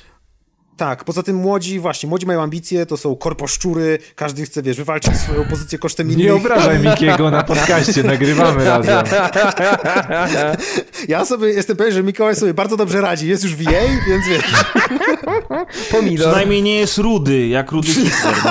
Ja też Pozdrawiamy Mateusza, który jest rudy. Ale, ale to było bardzo fajne. Bardzo mi się podobało, że właśnie ry, że była rywalizacja. Dwa koguciki takie, no. Tak, tak. No właśnie, oni są tacy trochę, ja, jeżeli jakbym był tym Snowkiem, to on trochę, trochę mi się kojarzy z Michaelem Jacksonem, bo tu mu ucho odpada, tu mu nos odpada, wiecie. No, I, i, on taki jest mm, potężny, silny i on w ogóle mówi weź mi daj Rey, bo Rey jest taka potężna, że ją przeszkolę. Potem się okazuje, że Rey uciekła, to on mówi to weź tam rudy Hitlerze, zabierz tego Kylo Rena z powrotem do nas, czyli jakby te, te wszystkie myki y, Imperatora się znowu powtarzają, ale jakby ja nie widzę tego całego New Order sterowanego przez bandę nieudaczników. Bo Hitler, Rudy Hitler jest tak naprawdę rozhisterozo- rozhisterozowanym frajerem. Kylo Ren dostaje cały czas w dupę i okazuje się, że naprawdę jeszcze w ogóle nie opanował mocy. kto tym wszystkim Fazma- dowodzi tak naprawdę, nie? Fazma w ogóle też, w ogóle niczym Jak nie oni imponuje. zbudowali tego Starkillera. Z czym do ludzi, wiesz? O, a kto tu panu tak spierdolił? To się nie dziwię, że No. Oni rozwalili tego oglądałem, Starkillera. oglądałem wczoraj ten y, review spoilerowy Angry Joe i on tam robił swoje mniej lub bardziej udane impresje Starego Imperatora, ale przypomniał mi, bo starej trilogii nie przypominałem sobie przed seansem, jakie, jednak jak charyzmatyczny był Stary Imperator i rzeczywiście do Snowka w ogóle nie ma porównania. Nie no, patrzysz na ten nowy porządek i, i się pytasz, kto tu rządzi? Jest tata w domu? Zawołaj tatę. Tak, tak. Wiesz, a ten Snoke to w ogóle tam gdzieś postać trzecioplanowa, coś tam dwa razy się pojawił, ja nie czuję tego, tak jak ty mówisz. Jak się pojawił Gdzie, ale w ogóle Imperator, gdzie oni narobili tą armię, póki jest tak, ujęcie na tą niekoniecznie, armię. bo jak się pojawił Imperator w epizodzie pierwszym, to tak naprawdę on był też w dwóch scenach jako hologram. Pamiętajcie, to myślę, że to jest nawiązanie akurat do No oczywiście, że to jest nawiązanie, ale to jest właśnie słabe nawiązanie, bo Imperator się tam pojawia w momencie, w którym ty już poznałeś Darta Vadera i wydaje ci się, że Darth Vader to jest największy skurwiel w całym Meksyku, tak? I ty mówisz, a potem Gorzej się okazuje, nie że będzie, ktoś nie? nim rządzi. Tak. I to jest mega zakręt, i to jest mega silne, bo ty wiesz, że ten gościu, który pojawił się minutę w filmie, to jest dopiero kozak. A w siódmym epizodzie jest kalka na kalce, na kalce, na kalce i poznajesz nieudolnego Kylo Rena, który jeszcze nie wie, czy on lubi Legię, czy on lubi kurwa Krakowie. I, i znowu jest ten gościu z hologramu, który coś tam do niego mówi, wiesz, coś tam mu wydaje i tak dalej, i tak dalej. No przepraszam Znaczy, bardzo. dla mnie no. Snoke był trochę jak Starkiller, na trzecim planie. Nie stanowił zagrożenia, nie był najważniejszy, mimo że znowu też powinien. Ale był taką postacią, że e, dobra, nie chcę już Snoke'a, chcę wrócić do, albo do Kylo Rena, albo do, do Solo, do, do innych postaci. On dostanie historię w którymś filmie, to jest pewne, czy Tak, w następnym, no. czy jeszcze. Jest, jest ewidentnie jest, nic nie jest powiedziane, żeby zbudować jakąś fabułę tak. nabudować na jego Znaczy historii. są nawiązania do tego teraz, tam nie pamiętam jak się nazywał ten super st- mistrz Jedi, y, Sith, ten... No to wszyscy mówią, kim ten Snoke jest naprawdę, o Jezus. W sensie, Dark Plagueis. on jest prawdziwym mistrzem Play- Palpatina. No tak, właśnie, do niego. Ten, który niby Palpatine go zabił we śnie, ale tak Palpatine naprawdę o teraz jest teoria, że trzecim, dokładnie. To jest ten, który pracował nad nieśmiertelnością, a nieśmiertelnością to, są, to jest klonowanie i oni się przenoszą z ciała do ciała i dlatego ten Snoke jest taki poniszczony, bo on jest, oni mają technologię klonowania, ale niestety nie mają jej jakoś konkretnie opanowanej. Albo jest Co 15 znowu- kopią siebie już na przykład, Dokładnie. troszkę już nie? Co znowu jest nawiązaniem do Expanded Universe i Dark Empire, bo w Dark Empire Imperator okazuje się, że dorwał się do tej technologii i poznajemy tam klona Imperatora, który ma jakby duszę. Także znowu to jest o tyle wiarygodne, że ten pomysł Czyli, był. czyli to będzie miało nogi i ręce generalnie w kolejnych Oby. częściach. Tak. Oby Pewnie miało, nie, bardzo na to Disney liczę. pierdol się. Grzegorzu, e, Tym uniwersum Marvela akcentem. filmowe e, przez Disneya nie zostało zarżnięte, przynajmniej na razie i cały czas w miarę się trzyma fabularnie. Zobaczymy jak będzie w kolejnych filmach. Ja jestem ogromnym optymistą, jeśli chodzi o te Gwiezdne Wojny, bo jeszcze raz to powtórzę, mnie się mega podobały. Ja uważam, że to był naprawdę doskonały film i, i, lepszy od wszystkich prequeli i dla mnie nawet lepszy od Powrotu Jedi. Także ja- Nie, nie, nie, Mikołaj, proszę, go nie tak mów mocno- więcej. Ja go tak mocno, tak mocno go kocham. Może, za, może, tak, może będzie taki efekt jak z y, tym, jak z Mrocznym Widmem, że za pół roku czy rok będę się z siebie śmiał i ze swoich pomysłów. E, To Natomiast jest bardzo ciekawe, jak Kuldan wygrzebał właśnie pierwsze recenzje Mrocznego Widma, Tak które jest. były same optymistyczne i to jest, to jest ciekawe.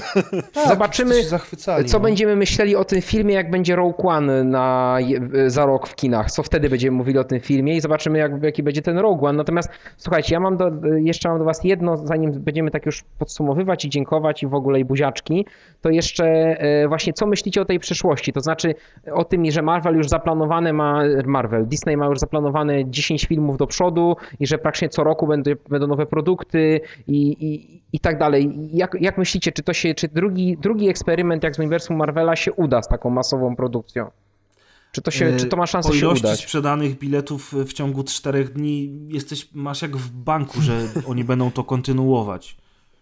No po prostu Mikołaj to jest taki biznes, że nie ma szans, Znaczy żeby kontynu- oni... kontynuować, no tak, no będą raczej na pewno. Rogue Nie, ja One, w pytam, ogóle, czy to Rogue będzie One się w ogóle dzieje przed czwartym jakościowe? epizodem, więc to będzie zupełnie inny film niż siódmy epizod.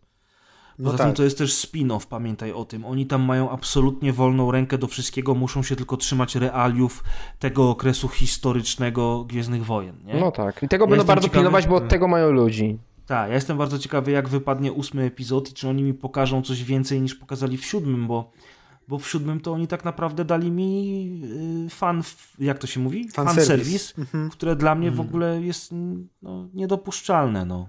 Deusz. Do tablicy. Ja wam powiem, że e, No to, się, to, to, jest, to, jest, to, jest głupi argu, to jest głupi argument na zasadzie mm, mówienia, że nikt nie każe ci oglądać, ale dostarczanie tych filmów raz na dwa lata, gdzie sobie tam pracujesz i, i, i w zimę sobie idziesz i oglądasz właśnie taki fajny film przygodowy z bohaterami, z którymi tak naprawdę e, czy, czy ze światem, który gdzieś tam sobie od dzieciństwa poznałeś, tak, bo się nim zachłysnęłeś na kinie przygodowym, to jest bardzo fajna sprawa według mnie. W sensie, ta stara trylogia, tej, tej, tej stara nowa, ta znienawidzona trylogia nie dało jej się po prostu oglądać. Ona była fatalna jako film, e, niszczyła ten świat trochę, e, miała fatalnych aktorów, natomiast w tym momencie dostajemy coś, co... Halo? Halo, halo? Deusz mówił źle o prequelach i Lukas go skasował w ogóle z nagrania, nie? Te, temu tak. panu już dziękujemy. Chyba, chyba tak. Chyba y, albo się zepsuł wrocławski internet i generalnie coś się tam stało, albo Lukas Słyszałem jeden głos Deusza, który wybuchł i nagle umilkł, cytując Obi-Wana. A może się Czy- tak krztusił? Czy wy, wyciszyli mnie ten? George Lucas mnie wyciszył? Chyba Lukas tak. cię strasznie wyciszył, mój drogi. Co ty mówiłeś o tych prequelach takiego brzydkiego? Powiedziałeś, że prequele nie dawały się oglądać i potem już była cisza, nie? Potem tylko śmierć i zgrzytanie zębów. Dobra, nie, mam jakieś problemy z internetem, Znowu więc może nie, ktoś in, może nie ktoś inny podsumowuje. Dobrze, w związku z czym myślę, że możemy.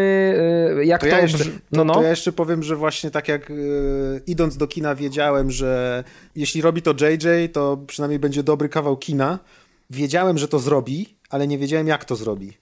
Jak to zrobią wszyscy, że to się uda. A jak wyszedłem z kina, to już doświadczyłem tego, jak dobrze to zrobili.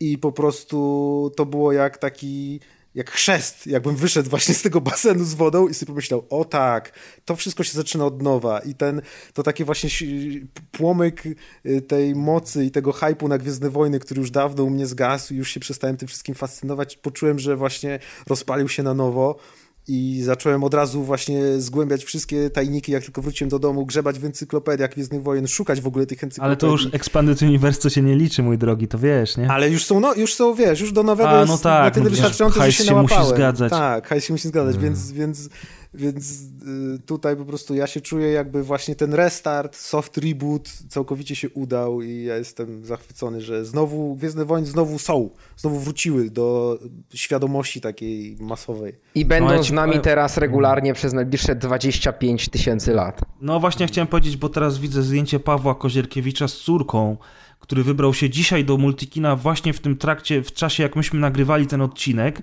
i wrzucił zdjęcie z córką z kina, jest uśmiechnięty od ucha do ucha i widać w nim mega radość. Jego córka też się uśmiecha, ale tak tylko trochę, bo ona jeszcze nie do końca kuma o co chodzi, wiecie, córka ma, jest młoda. I ten, Nie wie, który ten- to jest kanon, czy to jest na stary tym, kanon, czy zdjęciu, nowy? na tym zdjęciu nie widać, kto jest rodzicem, bo Paweł się bardziej cieszy od niej, wiecie. Ale to jest właśnie to. Pozdrawiamy, To jest właśnie Pawła. to, to jest ta moc Gwiezdnych Wojen. Ja, na- ja wam przyznam szczerze, że jak usiadłem w kinie, od razu nastawiony na nie e, i zaczęły lecieć napisy, te żółte napisy, tu, Mhm. tu, tu, tu, tu, to ja chciałem wstać i krzyknąć Fuck yes, Dokładnie, kurwy syny! dokładnie, ja to samo. Ale Ja tego właśnie nie były brawa w Dobrze. kinie. Ja, ja siedziałem, U mnie były brawa w, w trakcie napisów. ja właśnie siadłem, za, pojawił się Gwiezdny Wojn, to okej, wleciał epizod siódmy i ja sobie wtedy zdałem sprawę, o kurwa, to się dzieje naprawdę. Siedzę w kinie i oglądam na premierze Epizod siódmy, siódmy. epizod Gwiezdnych Wojen. Coś, co było nie do pomyślenia po prostu. A potem to zjebali. Ale nie, ja nie miałem takiego hype'u, ja się jeszcze opanowywałem. Leciała zajawka fabułesem, myślę, opanuj się, opanuj się, opanuj się. I po tej zajawce fabuły pierwsza scena to jest właśnie jak w takiej jakby kosmicznej ciszy płynie ten statek. I ja sobie pomyślałem, o Jezu, to, to, to nawiązuje, to już będzie dobrze. Ten statek jeszcze miał czubek nie? taki z krzyżem, jak miecz Tak, Kylo dokładnie, no ta scena jest nagle przy dobrym nagłośnieniu, masz tą taką, taki ten biały szum, takiej tej ciszy i ten statek powoli płynie i ja po prostu wtedy to mi się chciało podskoczyć na tym fotelu w kinie. Znowu Kurde, jak Deusz chwali, to też trochę. go cenzurują, No. o co chodzi. Ale ja, ja, już nie jeszcze wiem. mam, ja jeszcze mam na koniec tylko y, dwie małe nadinterpretacje z mojej strony, które już powstały chyba z mojego hype'u, ale bardzo mi się podobają, że tytuł filmu Przebudzenie Mocy. I to nie jest tylko Przebudzenie Mocy Urej, ale to jest Przebudzenie Gwiezdnych Wojen na nowo właśnie. Jako No tak, nowy tak, reboot. to się No zgadza. tak. Zdecydowanie. Potem, pierwsza scena, y, Max von Sydow, pierwszy dialog w filmie. This will begin to make the things right. To wszy- zacznie wszystko naprawiać, nie? Coś Kim kurwa jest postać Tak. Maxa von Sydow? Yy, Czemu jak oni się znają z Starym człowiekiem, który umiera w drugiej scenie, w której się jest, no.